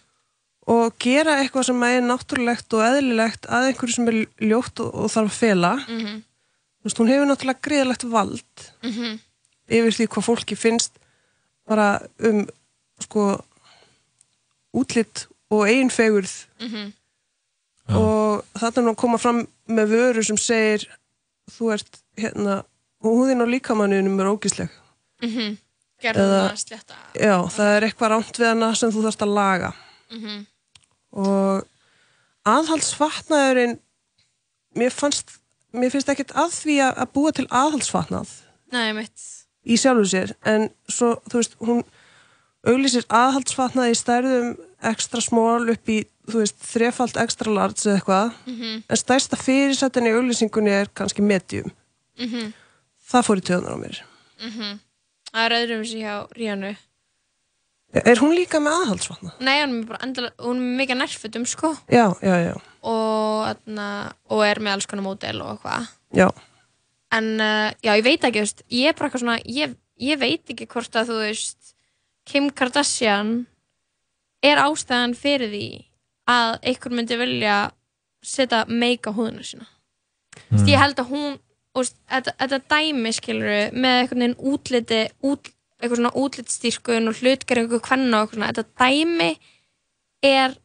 þú veist, þetta er síðan fyrir löngu síðan skilur hún er bara eitthvað að selja okkur hlutina sem hjálpa okkur þú veist Já, en hún er samt einhvern veginn svona að framlengja þetta og og búa til fleiri gerfið þarfir. Þú veist, þetta, ég veit ekki, ég hef ekki séð líkamsmeik til sölu í neinum búðum. ég er bara að sé það. það hjá MAC Face and Body Já, það er samt meira kannski fyrir make-up artista sem eru að vinna í myndatökum og já, já, já, hérna, ekki eitthvað svona málaði á þér líkamann áður en þú fer á djammið. nei, emitt Já, ég veit ekki, mér finnst það, mér finnst það svolítið sjúkt sko. Ég meina, Mhm. auðvitað fann hún ekki upp útlistýrkun en hún byggir náttúrulega ferilsinn á því. já, og, og innkomu og, og hérna hún auglýsi maurunar sleikjóa og, og te og Mhm, hérna leggst undir hnífin á samtíma og Mhm. hérna en svo hefur hún samt líka haft einhver svona líkamsýmyndar áhrif sem eru jákvæð hún er einhvern veginn með stærra heldur en flestir og, og, og það er einhvern veginn allt í einu miklu flottara og ákjöfsanlegra að vera einhvern veginn stærri og líta ekki bara út eins og persiltón skilur við þannig að algjörlega en þá kemur einn nýr punktur sem er hérna reysjál Mhm. af hverju var ekki flott að vera með stóran og stórlæri fyrir en að hvít kona gerði það flott hún er náttúrulega ekki alveg hvít hún er líka hálf armensk Já. Ná, hún er, þú veist, alveg ekki alveg hvít Það er samt Skilurðu? ekki hægt að kalla hana person of color er það? Nei, Nei. ég veit það ekki sko Ég Eh. veit ekki hvar na, þessi, þetta liggur þessi landamæri skilur út því að hún er alveg þú veist, brún Já. skilur Já. og er frá, þú veist nálægt Asíu Mhm. skilur þannig að ég veit það ekki Nei, mitt ég, Svo sem ekkert hugsa mikið út í það nákvæmlega eða, Þú veist, ég hef bara alltaf einhvern veginn mm Mhm. -hmm. Ég hef al- ég hef aldrei hugsað hugsa út í hana sem eitthvað annað en bara Hvítamanniski Já, svona eig, eigilega, sko mm -hmm. Ég, ve- ég hef raun og veru, já Ég hef aldrei hugsað um það Ég hef bara Mhm. alltaf litið á hana þannig Já. En hún þarna er uh, já, ég veit það ekki þú veist, það er svo fyndið af hverju maður pælir svona mikið í henni og af hverju maður þarf að hafa svona mikið, mikla skoðun á henni út af því að ég veit ekki hvernig hún er öðruvísi heldur en bara allar aðrar frægar manneskjur, skilur við Hún hefur náttúrulega meiri Þú er svo ótrúlega fræg eða Já, er það ekki? Ég Mhm. meina hún er, þú veist, er hún ekki frægust allra? Er ekki hægt að segja það? bara frægasta kona í heimi Ég, svona meðal mm þeirra allavega. -hmm. Ég man sko þegar ég átt- átti, enna, átti í sama dilemma með sko Beyoncé mm -hmm. þá voru allir, þá voru ég í mentaskóla og þá var Beyoncé feminismi að tröllriða öllu Mhm. það var áður en að Lemonade kom út Mhm. og þetta þegar, var, þegar feminiskasta lægið sem var búin að gefa út var Who Run The World Girls og það virkaði þannig að virk, blasti alltaf við mér sem svona það væri svo fake að segja Who Run The World Girls Mhm. þegar að þú ert ekki a- eitthvað svona þú ert aldrei búin að ákveða að taka umræðuna eða tala um þig sem feminista Já. svo, kem, svo færist hún bara hún bara svona full on mun hún gekk í hérna peysunni feminist Lemonade kemur út og platan á undan Lemonade og um, með öllum lögunum hann eitthvað partition og draslum kynlíf og eitthvað svona Mhm. og allt í einu svona, eitthvað svona meiri valdæfling í tónlistin hennar og eitthvað Mhm. en á þessum tímapunkti þá var ég bara svona fannst mér eins og Beyoncé þyrfti einhvern veginn að vera feministi og að við gætum ekki, hún- gætum ekki kalla hana feminista fyrir hún væri orðin alvöru feministi, skilur við Já. svo bara einhvern veginn gaf hún út Lemonade og það einhvern veginn þú veist, umræðinu um hvort að Beyoncé væri feminist, feministi lauk, skilur Já. Það var bara, það er bara nokkuð ljóst, skilur Já. horfðu á þetta mynd, horfðu á þessa mynd sem hún gaf út, skilur Mhm. en uh, Kim er ekki búin að gera neitt slíkt Nei. en það bara, ég bara skil ekki af hverju af hverju þarna að þú veist, þær eru bara stórfyrirtæki Já. það er engin munur á Beyoncé og Kim og bara uh, einhverju risa fyrirtæki í bandaríkjunum Já, ég verð að vera ósámála vegna þess að hérna þanga til að Kim Kardashian kemur hún á sjónasviði þá hafa einhvern veginn nánast allir sem eru frægir einhvern veginn svona unni sér inn eitthvað hérna credibility á einhver sviði Mhm. eins og til dæmis á sviði tónlistar Mhm. og hérna og þú veist Beyoncé er búin að vera að vinna fyrir sínu síðan hún var fjögur ára Mhm. þú veist þannig að þegar þú kemst einhvern veginn að og færði þessar rödd þú veist Mhm. þá ertu ég veit ekki hvernig ég á að lýsa þessu ég hef bara, ég hef oft hort á einhver svona performansa hjá Beyoncé og ég hef bara svona grátið og fekk gæsa húð og eitthvað svona mm Mhm. að því að bara, það er bara styrla að horfa upp hún á mikla hæfileika og Einmitt. svo er bara eitthvað kona sem er bara eitthvað mm, hvað á ég að elda í kvöldmætinu handa kann ég mm, uh, æ, þú veist Mhm. og þetta er það sem hún er fræg fyrir Mhm. er bara ég hef aldrei geta sagt hvað hún er fræg fyrir ég er ekki eina af þeim sem mun segja já út af kynlífsmyndbandi þú veist Mhm. það er ekki nóg til að gera þig fræga og viðhalda fræð eins og Paris Hilton hefur Mhm. sannað Mhm. en hérna, en hún er bara hún kjúritar lúk og þú veist, hún er bara til í einhverjum heimi sem að er bara þú veist svona einhvern veginn alveg bara Instagram þú veist, gegn sýrður skilur bara ímyndar heiminum þannig að hún er í rauninni bara ef við hugsum um eitthvað svona ímyndir og sjónarspil og eitthvað þá er hún alveg búin að mastera þann performance og já markasfræði já, markaðsfræði þótt hún sé ekki listamaður skilur Já, en Þá á, er hún- á kostnað hvers? Ég veit það ekki Þetta er svo Jakob, Mm. getur þú hjálpa okkur að Já, sko, ég, málið er að að ég einhvern veginn er eiginlega bara svona nýlega búin að áttum á því, sko, hvað hann verðist vera mikið á milli tann- tannana á fólki, sko Mhm. það veist, ég hef alltaf vitað einhvern veginn hver Kim er, bara þannig að sín ég mann eftir mér bara síðan ég var í grunnskóla Mhm. en uh, síðan ekkert söguna með það meir, sko Mhm. ég veit að hann er ó- ótrúlega fræg og margir að fylgst með henni og síðan ég hef aldrei verið að fylgjana á miðlum með hann eitt og vissa þessum þáttum ég hef hort eitthvað bara á 2-3 þætti en ég man eftir vinum mínum kannski fóra heim til sín og, og kveikt á sjónvarpinu og allt henni dutt í þetta og horfði á þetta allan daginn Mhm. um, en ég hef, ég hef einhvern veginn þú veist, ég hef aldrei átta mig nákvæmlega á öllu valdinu sem hann hefur sko. ef ég bara segja alveg eins og er ég hef Já. bara verist uh, þú veist, ég stundu velti fyrir mér sko, þú veist, uh, hversu mikið valdi er þetta sko? Mhm. er hún ekki aðalega að ná er ekki máli líka þú veist, er hún ekki mest að, að tala til ungra kvenna Uh, já, ég held sko að hún sé alveg að við svo leita ná til hvernig á öllum, öllum aldri Mhm. en þú veist, jú ég myndi samt segja að þú veist, systur hennar Jenner systurnar eru kannski svona með yngri markkopin meira mm. Mhm. og hún er svona búin að skrýða svolítið upp í annan marka eftir hún var móðir og eiginkona Mhm. að þá er hún svona, þú veist, þessi fjölskylda er með eitthvað fyrir alla Mhm. Mhm. Þú veist, og hún er svona einhvern veginn komin þangað inn hjá fjölskyldufólki og, og, og maðurum og ég veit alveg að ég get alveg, ég get alveg tala við uh, hérna, 55 ára pappa minn á eftir og hann geti, hann geti talað um Kim Kardashian öruglega bara þó nokkuð lengi sko, ég meina hann, hann Mhm. Já, veit alveg ímislegt um þetta sko þannig að, þannig að þú veist, það er allir meðvitaður um þetta einhvern veginn sko Mhm.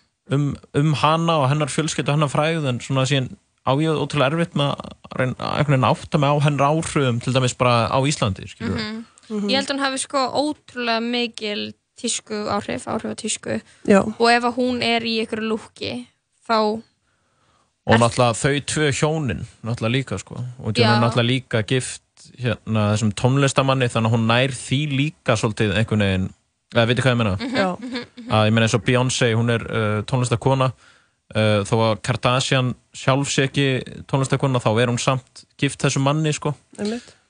hún Þannig er að- inn í tónlistarmenginu hún er þar sko já já klárlega kemst það Mhm, líka inn sko mhm. Já, en það er svo margt sko, þetta er svo, svo mö- mikil áhrif sem hún hefur og ég myndi segja að það vera öll slæm eins og til dæmis með tískuna sko Mhm. að hérna síður á bo- borðið Fashion Nova og Boohoo og svona fast fashion risar Mhm. sem er að rústa plánetunni hraðar en nokkur önnur framleiðsla nánast Mhm. uh, hún, hún lifir svolítið á því sko Mhm, mhm. algjörlega sko ég er nefnilega var að byrja á og svona hálnu með grein um hvernig jörðin er að fara að tortimast miklu hraðar heldur en við gerum okkur grein fyrir því Já. þær er henni skilur úst, það væri svo áhugavert að sjá hann að taka einhverja ábyrði í því skilur Já. sem hún hefur ekki gert en Einmitt. það hafa virkilega fáar stórstjörnur gert það og pælir í því Já. þú veist, þannig að að ég veit ekki, Leonardo DiCaprio fyrir nokkurum árum framleiði einhverja eða þú veist, tók þátt í að gera einhverja mynd Mhm. skilur um hann var hlínun, en hún hefur ekki gert neitt, einhvern veginn valla tjáð sig um þetta sko Nei, hún og- heldur bara áfram í að búa eitthvað til eitthvað drasl Já, Mjög og mikið, sko, sko. hún er kannski svo manneskja heiminn sem hefur hvað mest efni á því að, að sleppa því að auglýsa svona fyrirtæki og ganga bara í fötum sem eru hérna, framleitt á ábyrgan máta og svona. en, En- það er einhvern veginn ekki hægt sko Nei, en mér finnst bara svo skeri, þú veist, tilhugsunum um einhvern veginn, þú veist, hvað er hún ekki tilbúin til að gera fyrir peninga? Mhm. Mér dettur ekki neitt í hug. en maður ekki segja það samt um er það ekki bara mjög samfélagið marga sem við búum í ja? fræga og ríka skilur minna, Mm, er það? Einhverja, já.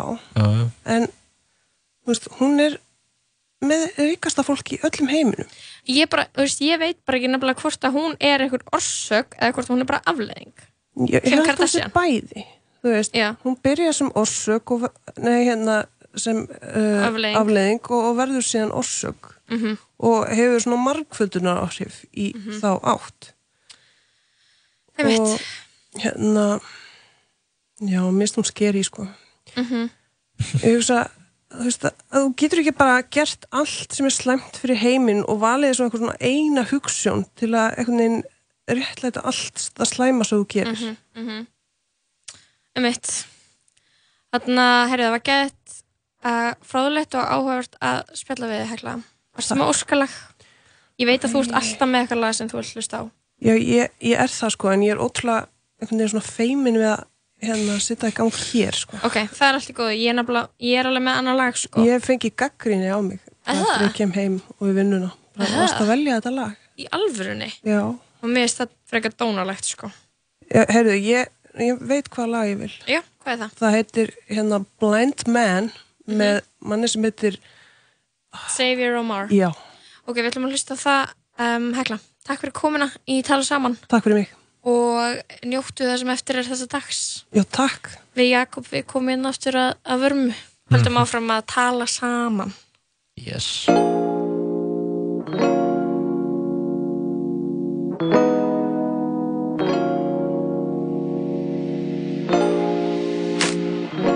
Oh, I can love you with my eyes closed.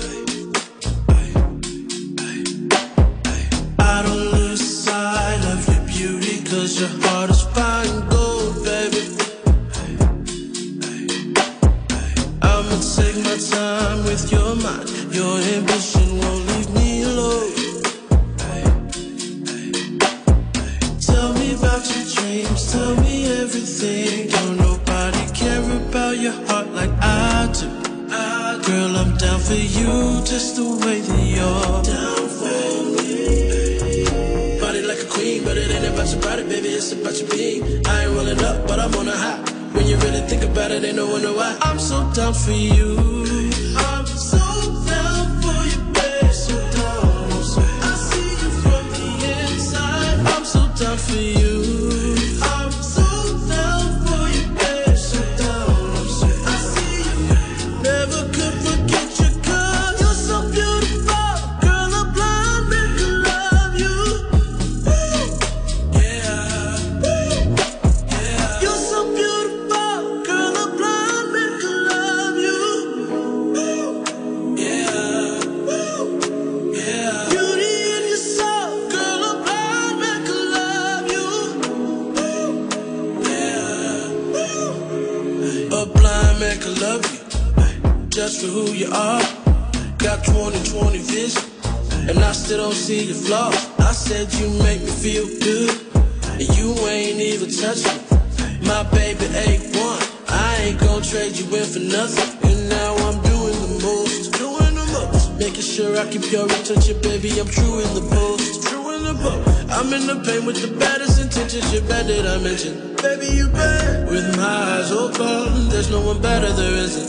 Never left, and I'm glad that you didn't. Body like a queen, but it ain't about your body, baby. It's about your being. I ain't rolling up, but I'm on a high.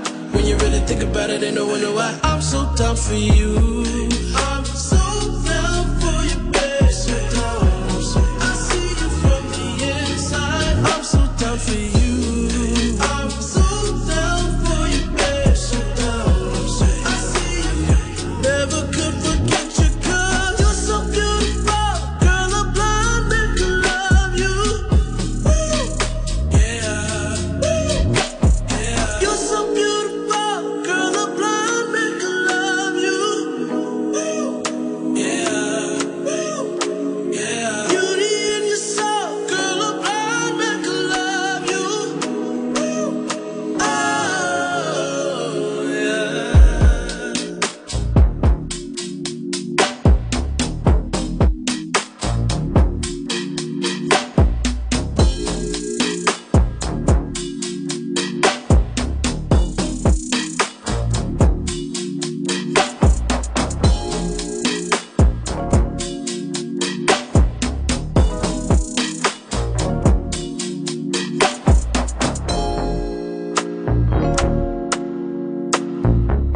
Já, við vorum að kveðja hana Hekla Elisabeth Elstinsdóttir, við vorum að uh, krifja Kim Kardashian Já, svona aðeins Merkjar. að, aðeins að eh, ræða hana, hennar líf, það er ágætt. stór uh, menningafígura sko Jú, jú, Jú, vissulega. jú, Hún er það. það er komið að fréttum Já, og hvernig, eh, hvernig svona leggjast fréttir í þig þessi dagana? um, Já, ég hugsa bara mikið um uh, plánetina jörð Já.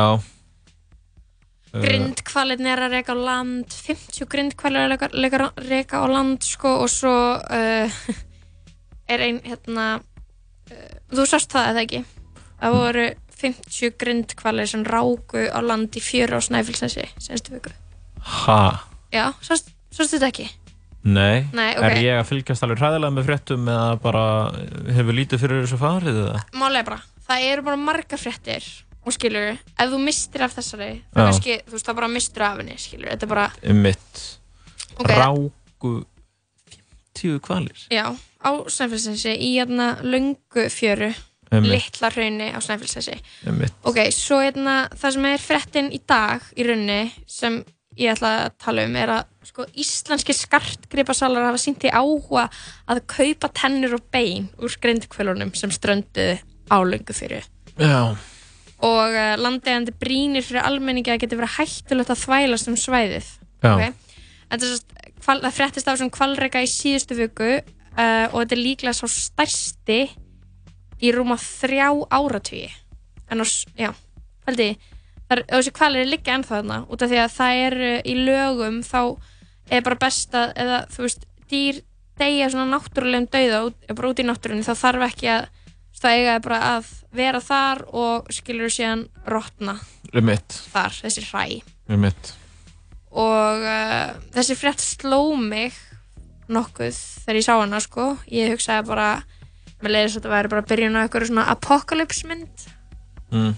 skilur bara 50 döði kvalir hvað næst, rinja alla kríur til jarðar skilur bara, Um mitt. þú veist, eða eitthvað þannig skilur Bara k- krákur fljúa í hringi og bara deyja um, en sko Þorgrymur Leifsson er anræðandi jarðarinnar hann kannaðast þar svæðin í gær og hans Þorgrymur segir að þetta er bara náttúrulega svolítið skrítið og sorglegt að sjá hvalina með litlu kálfana sér við hlið Einmitt. en uh, sérfræðinga frá Havró þeir hyggjast fara með þyrlu landhelgiskeslunar á morgun til að kannaðast þar svæðinu og taka síni og eins og ég sagði hann það stendur ekki til að urða dýrin um, en hérna er þetta með skarskaparsalana við höfum hugsað okkur að fara að taka tenninar úr þeim svo býðum við eftir að beinin síni sig og sjáum hvað við gerum við þau það var skartgripasali sem hafði sambandið mig og vill fá bein og tennur en hvaðist þú ekki vita á þessari stundu hvers virði tenninar og beinin séu en skartgripasali í miðborg Reykjavíkur hafi líst áhuga á því að kaupa allt saman ég vissi ekki að þessar tennur væri eitthvað sérstakar sko en Nei, uh, en svona- uh, það kemur svo sem ekkert á óvart sko, nei, nei, það meika svona sens bara þegar maður uh, heyrir það sko einmitt en ég hefði nú ekki, uh, ekki hugmynd um það Nei, en það voru víst, að- víst alveg frekar mikil umgangur búin að vera hana og það voru átta flugvilar, jeppar og móturhjól og fullt af fólki. en lyktin hlýtur að verða bísna súr og, og leiðinleg þarna með tímanum Þú veist, ég, ég veit það ekki, rotnandi sko. kvalir 50 talsins Jú, kannski. En Hvernig maður- fórstu, kíktur á kvalin sem að ráka landirna út að granda? Nei, ég, ég, en það voru svo margir á Instagraminu mínu sem fóru og tóku myndbönd á þessu og ég er náttúrulega býðan rétt, við- rétt við hliðina á en ég nefndi eiginlega ekki að fara að kíkja á það Nei, já, ég, ég veit hvað þú byrð, þú byrð bókstælaði við hliðin og þú hefði verið eina mínúti að lappa angað. Já. Þú, ég skil ekki. En þú, þú heyrðir ekkert að því hvort það hefur verið vondlegt á honum eða? Nei, en ég meina hann var þannig ekkert lengi Nei, ok.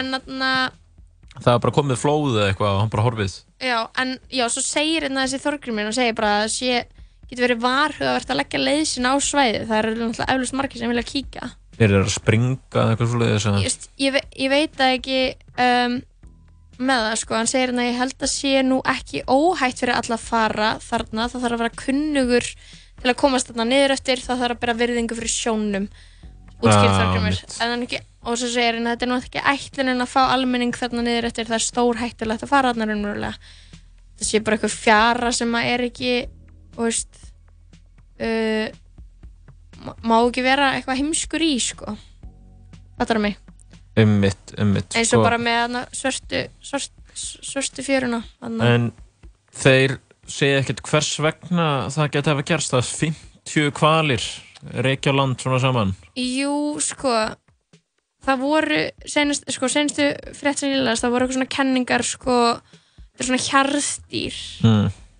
að þarna uh, einhver rekur á land og veist, einhver er að fara eitthvað veist, og þá eld allir hinnir skilur við Einmitt. eitthvað svona fórustu kval Mhm. en þarna byrju hérna, svo segir hérna samt sjávarlífræðingur aðstæður lungu fyrir snæfél sem segja sem 50 grindkvalir hefur strandað uh, séu engar óhenduðar fyrir kvala þessari tegund kvalir hafi ekki strandað viljandi í fjörunni heldur að í skýringin líklega rætur í umhverfinu eða jafnvel fjölskyldur minnsti kvalana Ok, Já, og það er alltaf þessi hópur sem að fer saman ummitt uh, og ef- þetta hefur bara verið uh, einhver svona óhendug fjara fyrir þau, Já, sterkur sjávarfallaströymur já, Þannig að það, en ég, ég náttúrulega hugsaði skilur umhverfis apokalips skilur en það er náttúrulega kannski ekki alveg rétt nei, nei maður, ég, ég er bara ekkert vel að mér í því Nei, eða en- svona ekki að þessu leiti sko, ekki í sjávarlíffræði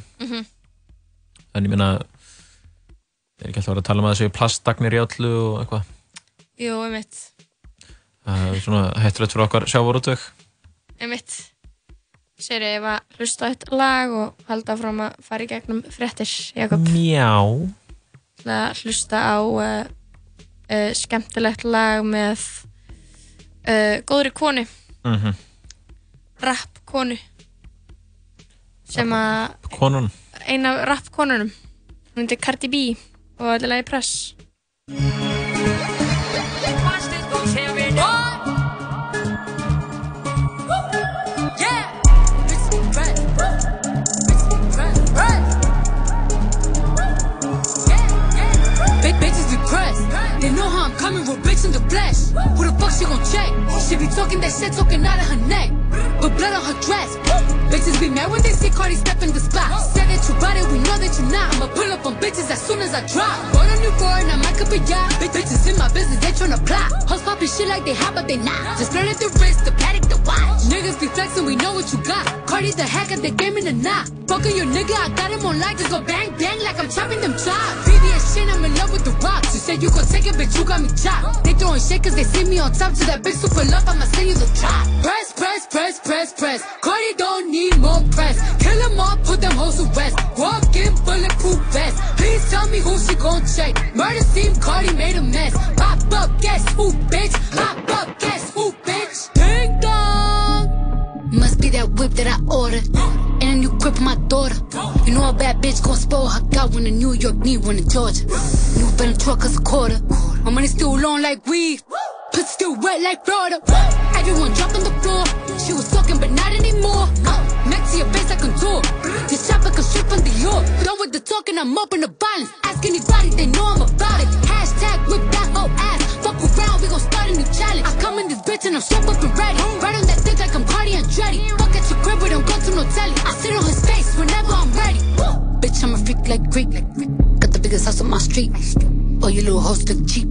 They sucking on my dick with no teeth. Press, press, press, press, press. Cardi don't need more press. Kill 'em all, put them hoes to rest. Walk in bulletproof vest. Please tell me who she gon' check. Murder scene, Cardi made a mess. Pop up, guess who, bitch? Pop up, guess who, bitch?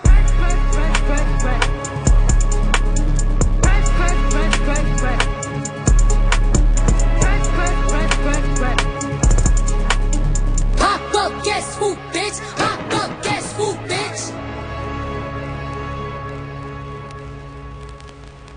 Útvarp 101 Útsalan er hafinn í Galeri 17 í Smáralind og kringlunni. 30-40% afsláttur af fínustu flíkum bæjarins. Galeri 17, Smáralind og kringlunni.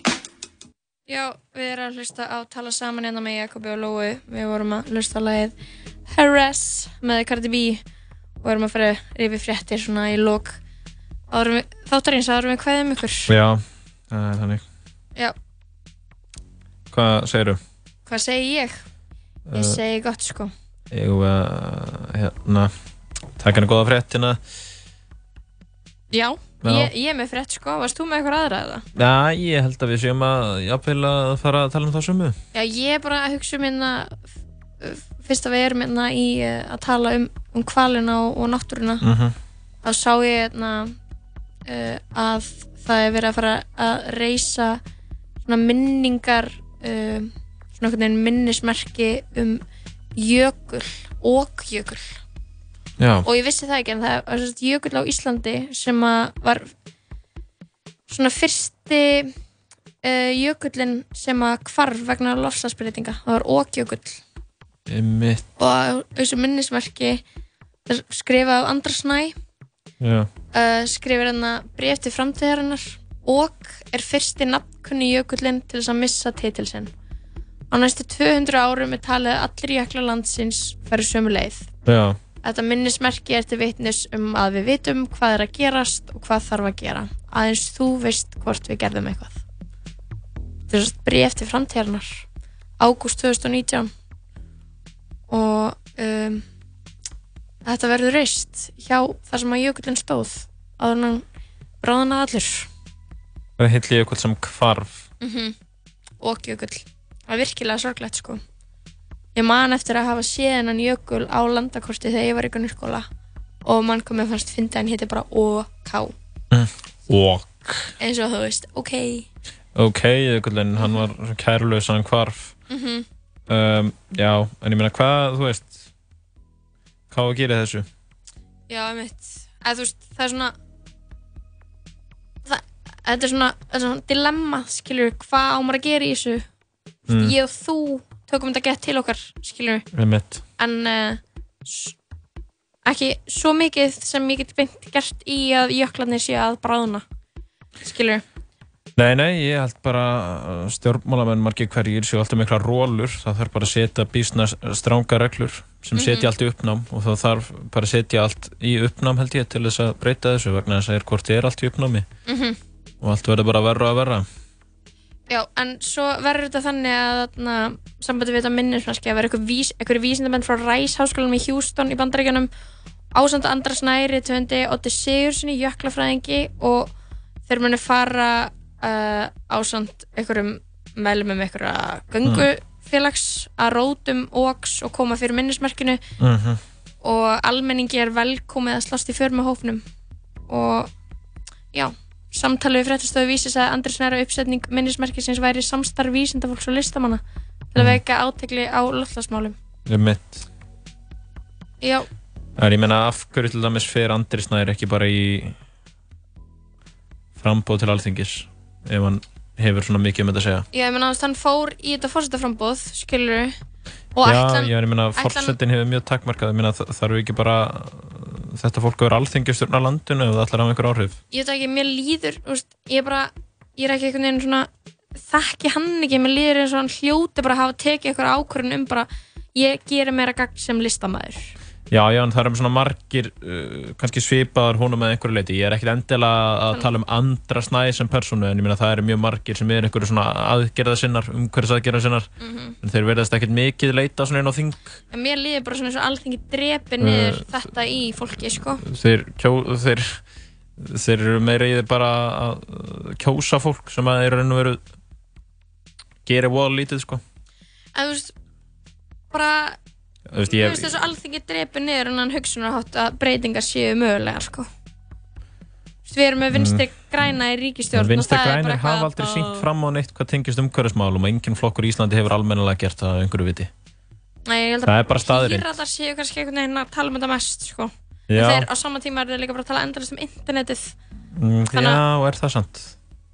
alveg mikið, sko. Það er svona, Já, já. það er svona, þann, Ég það er held að svona séu þannig bara- flokkur stopnuð í kringum internetið. Já, já, en ég held þessu að það er bara að reyna að opna stjórnkerfið og, og svona, komið veg fyrir spillingu og, Mhm. og þar leðandi verða þeir svona helsta mótvægi sjálfstæðisflokksins, einhvern veginn.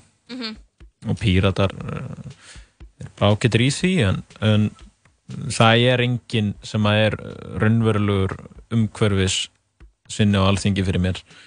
En síðan hef ég talað við fólk þarna á þinginu sem hefur verið að tala á, svona, alveg tala fyrir þessum málum og maður finnur alveg á þessu fólki að þessu fólki er ekkert sama, ég er ekki að segja það Mhm. ég veit alveg að, að mörgum á þingi er ekkert sama umhverfið sko Mhm. og þeir eru alveg meðvitaðar um þessa hamfarlínun en einhvern veginn virðist það bara vera þannig að, að já, fólk er ekki tilbúið til þess að farin inn að róta græðkirðir Mhm.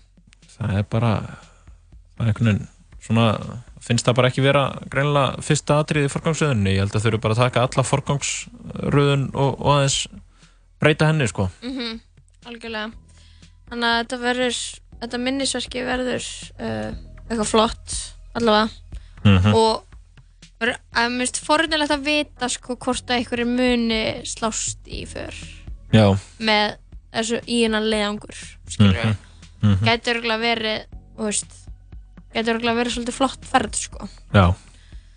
um, við erum með hérna eina frétta lókum Já. það er þarna e, varðar álverið í Strömsvík já, það, er þarna, hérna, það var í slögt á einum af þremur kérskálum álversins í Strömsvík og uppsinga fulltrúi Rio Tinto á Íslandi segir að ákvörðun hafi verið erfið en hann hafi verið tekin til að tryggja öryggi starfsmanna og ná um leið betri tökum á rekstrinum það er eitthvað sem tvítaði þessari frétt og voru að tala um Tjernobyl í samengi við þetta sko Mm. bara það er sko alls eru 160 kér í hverjum kér skála í álverinu Mhm. og slögt var að kér skóla þrjú í tveimur skrefum fyrst í gæra svo aftur í nótt og þetta er svona, já já. hvað þýðir þetta? það þýðir bara að það er bara verið að slökkva á einhverju framleiðslu í álverinu út af því að þeir eru með eitthvað súrál sem Mm. var eitthvað svona ill meðfærilegt og eitthvað svona en að Bjarni Már segir að sko uh, Bjarni Már segir að álveru hafi verið að fá súrál frá nýjum byrgjum stórri súrálsverksmið í Brasilíu var lokað og breyttist frambúð á súrál í heiminum í framhaldinu okkar ekstra rekt vanur í að fá þetta efni bæti við að óróleiki skapist í kerjunum og verið sé að bræðast við honum skilur við, og Bjarni Mári sem satt upplýsingar fulltrúi já, Rio Tinto aðspurður segir hann og, og snemt að segja til um fjárhúslegt tjón vegna ákvörðunarinnar en núlustlega sé ekki verið að framleiða í, í skálanum sem nú er úti og það, verður, ekki- það er ekki ljóst hvernig það verður aftur tekinu nótkun mm En- ég segi bara að þeir- að þeir ættu bara að loka þessu alveri sko, já, það er bara komið nóga ál í heiminn, skilur við já, er það raunin? já, bara breyta þessi í eitthvað gróðurhús Já, skilur við Já. Það, það er bara mín skoðun á þessu sko já það er svo sem ég er alveg tilbúin að að taka út af það er svo raunin ég meina, auðvitað, þú veist, við höfum að þurfa eitthvað ál, er þetta endur nýja aðhald ál bara eða? Já, Er það ekki- er ekkert mál sko. er ekki þessi álver alltaf að auglýsa að þetta sé svo grænt ál Jú, það er bara ég var um ekki daginn að, rétt, sko. ég var um daginn að horfa á sjómarp símans og, og þá kemur svona auglýsing frá einhverju svona orku áldrasli eitthvað 75% álsins er endurnýjan eitthvað svona bull Mhm.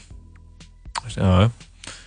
en það var nú kannski eh, gaman að- að ræða með einhvern okkur fróðar um þetta við ætlum svona þess að reyna að hafa umhverfismálin í brennideplið ekki Jú, ég held að það sé Þessi máli alveg sko. komin tími til þess að bara ræða þessi mál uh, bara á, á fræðilegum nótum líka ekki Mhm. bara hérna þú veist það eru auðvitað að slengja alls konar fram og svona en, en ég meina þetta er bara eitthvað sem að uh, þarf að fara í róttakar aðgerðir mm algjörlega ætlum að uh, hlusta á lag og svo komum við aftur ætlum að halda áfram í uh, sama góða þemanu ætlum að hlusta á uh, aft annar lag með Cardi B, Wish Wish Fuck these niggas up. Cardi pops, Cardi. We the best music. Music. Cardi. With the Glock, Cardi. Yeah. Cardi. Another one. Another one. Cardi. DJ They say my time is almost up, so them bitches wish, wish. All these hoes looking cold, all these bitches fish, dicks. Put a ribbon on my box, cause this pussy gifted. I ain't got no free time, all my shit expensive. See my ring, my watch, my chain, and everything is lit, lit. All this gold on a bitch, I feel like I'm slick, Rick. If they love me or they hate me, it don't make no difference. It be hard not to kill a hoe, cause I be tempted. Now I be kinda money buying jewelry, hoes be riding dick. I just make my ends and mind my business, hoes be riding dick. I can E see Cardi eat so much and that's what got him sick. But I wonder how they still impregnate all that riding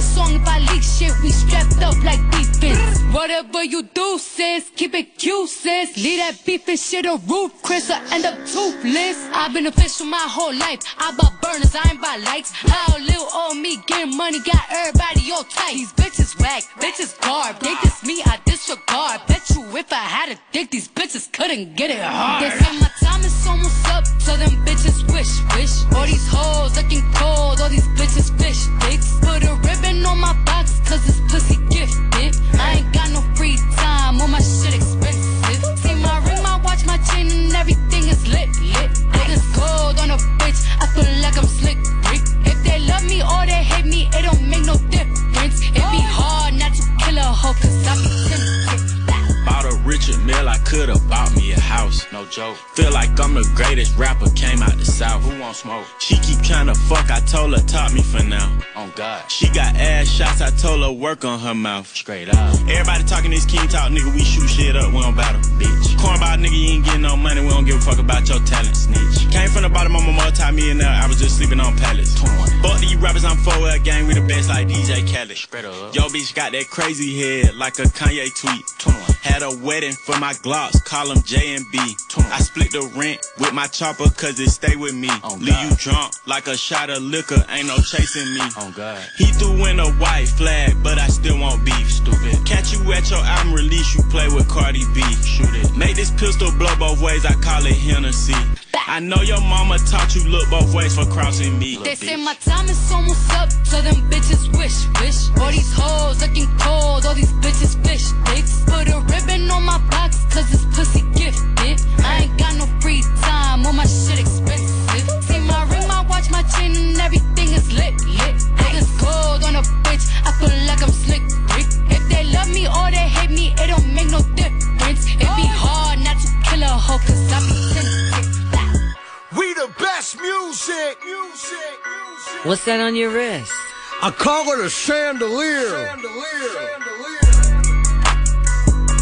Another one.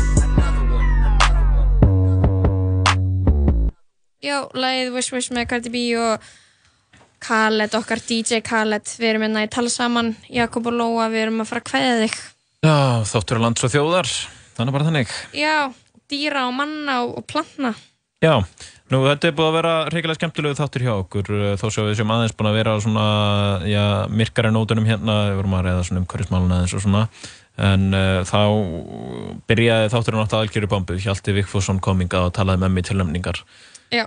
hann er einhver svo allra fróðast á landinu um þetta Nefnilega, sko. og til ofta á svona emmi umfjöllun til að vera bara svolítið fyrir eh, ákveðin svona útvalin hóp sem að gerir ekkert annað en að horfa á þætti en, en, en uh, mér veist, mér veist ég ná að fanga þetta svolítið ágætlega og gera þetta svona aðgengilegt hinnum, hinnum almenna borgara mm Hann var að ræða svolítið svona þætt uh, This is Us sem að hún Já, finnst já. bara hverjir að það ver- vera bara það lélegasta í sjónvarpi en það fær hérna einhvern veginn margar tillefningar og hann segir að það sé út af því að þetta er búið, það er búið að stíla þetta inn á eitthvað svona hvít samvinskupið í bandaríkjunum Já, já, að þess að vera góði þættir eða koma eða kljást einhvern veginn við málefninu af einhverju alvöru hann fór líka aðeins inn í pólitíkana og, og veðbankana og hvernig þetta gengur fyrir sig og, Mhm. og svona mælti með, með því svona hvað fólk gætti að horfa og hvað ekki það Mhm. var, það var ánægulegt og hvað við ættum að veðja og við ætlum að, Mhm. að taka þátt í veðmálum og það er hægt að- verður alltaf að hlusta á það að þú mistir að því ætlum að setja á neti og þá getur þú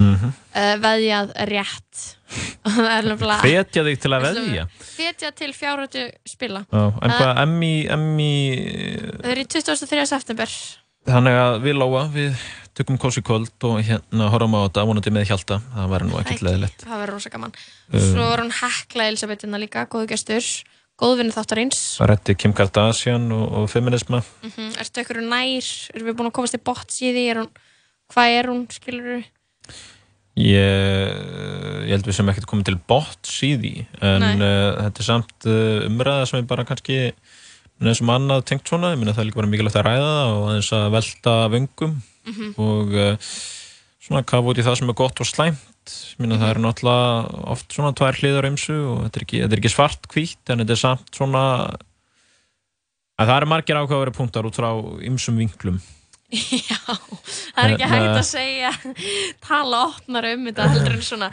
en ég mitt var að við vorum, við, fyrst, við vorum að tala um umhverfismálun svo erum við að tala um Kim Kardashian þá var ég með vinkonum í bíl í gær Já, já. og þær voru að spyrja mig bara reytir það ykkur ekkert í reyði þegar þið sjáuð áhrifalda á netinu láta eins og umhverfismál eða bara í rauninni hamfara hlínun sé ekki til bara ónefndir íslenskir áhrifavaldar sem bara hafa kjöt í matinn á hverju minnsta degi, halda batnaðanvæli með rosalega mikið að einnata pappa En og um þetta er fastiskum. líka bara skortur blöðrum. ákveðinni fræðslu. Þú getur sagt þetta um, Ég- um ímislegt tengt feminisma hér á Íslandi fyrir 5, 10, 15, 20 árum og sér breytingarna samt, sko, uh, veistu hvað ég meina? Já, ég bara, ég bara skil ekki hvernig, hvernig að það ætti, þú veist, í rauninni er engin afsökun fyrir því að hafa ekki sett sig inn í þetta núna, skilur. Það er bara búið að tala svo mikið um þetta. Ég er Hann- að meina ég það er að er tala um fullt af fólki umhverfismál. sem er bara ekki inn í sko eigin lífi, það kann ekki ná eigin bankabók, af hverju ætti að vera að pæla í, í hérna hamfarlínun, skilur þú? Eða bara út af því að ég mér veist, mér veist maður ekki komast hjá því að vera velsu fyrir sér. Nei, en ég er, ég er sammálaðið sko, ég er bara Ok. að reyna að vera í eitthvað smá mótvægi hérna Nei, en þú veist, við erum sammálaðið þetta og, þa- en það er líka bara það sem þarf að gera það þarf uh, meiri umræði um þetta sem ég er líka ekki bara sem er bara þannig að hún sé aðgengileg öllum sko, að umræðan sé ekki bara fyrir ákveðin hóp Mhm. Já, og sé einmitt. ekki bara fyrir þann hóp sem að leggur sitt á mörgum til þess að, að bæta umhverfið Já, ég las mér þetta alveg frekar góða grein um, um bara hvernig, hvert, hvert þetta stefni núna og Já. það var blaðmaðurinn, þetta var svona, þetta var svona löng grein, skilur Mm. bara með mm. mjög vel unnin grein um stöðuna Já. og hann segir bara þannig að vísendamenn gerðu mistök þegar þeir þorðu ekki að taka nú alvarlega til máls Einmitt. um hvað stemdi í Já. og þannig brugðust þeir í rauninni fólki Mm. Mm-hmm, út af því að þeir vildu alltaf passa sig að vera þú veist, ekki of myrkir í máli og vera tala fræðilega um hlutina Mhm. en það er einhvern veginn vo- það voru einhvern veginn fyrstu mistökin Já, og mér finnst það mjög áhugavert að líka bara svona ábyrð einhvern veginn fræðasamfélagsins í að upplýsa fólk hún einhvern veginn klikkaði frekar snemma um En mér finnst mikilvægt að- að umræðan út af því að það gerist oft þannig að einhvern veginn að umræðan sé uh, fyrir ákveðin hóp eða svona, eða, þú veist hvað ég meina Mhm, mm-hmm. Þú skilur hvert ég er að fara, ég, veit- ég veit ekki alveg hvernig ég hef komið svo orð Mhm. En það verður að vera þannig að þetta sé eh, aðgengilegt öllum og það séu bara allir saman í þessu Mhm. Nákvæmlega. um, og það er hægt að hafa áhrif á, á uh, margvíslegan hátt Mhm. Nú, uh, við fórum aðeins yfir nýja veifið það var að fara út fyrir þægjandaramann það var svona klassíst það er margir að fara út fyrir þægjandaramann við, við svona uh, rákum þetta ágætlega gerðum þessu fín skil Mhm. annars held ég að sé bara komið að hverju stund Jakob Já, það voru þessar góðu góðu fréttir og núna bara hvernig við verðum hér aftur á morgun klukkan fjör já, það var gaman að vera með þér sumleiðis og ætlum bara að enda þetta á honum Ed Sheeran Anything she needs, she can call me. Don't worry about it, that's my seed, oh, that's all me. Just know if you cross her, then you cross me, cross me, cross me. If you, if you, if you, if you, say that again. Anything she needs, she can call me. Don't worry about it, that's my seed, oh, that's all me. Just know if you cross her, then you cross me, cross me, cross me. If you, if She ain't messing with no other man. Me and her are something different. I really need all you to understand that nobody's coming close, and I don't ever wanna run around. I spent my youth jumping in and out, but you know I'm fucking loving now. Like nobody ever could, and you know I stay tripping on my crazy. Oh no, I'm sticking with my baby for sure. Together or solo, it doesn't matter where we are. Oh no, no. So if you hear about my lady, just know that she ain't the one to play with. Oh no, I'll be standing so close, so you know that. Hey. Anything she needs, she can call me. Don't worry about it, that's my seed, oh, that's all me. Just know if you cross her, then you cross me, cross me, cross me. If you, if you, if you, if you cross her, When you cross me, and nobody's coming close, yeah. And I think that you should know that if you cross her, if she needs, she can call me. You cross me, that's my seed, that's all me. So come on, let it go. Oh, I think that you should know. If she ain't messing with no other man, now what you not gonna do is stand there across from me like you got kung fu. That's their cross arm, running your mouth like a faucet. But you don't know that my girl been doing CrossFit. Kung pop, hit your ass with a cross kick, pulling air out, way out, you exhausted. No, she gonna slide anytime you bitches talk shit. Keep a little blade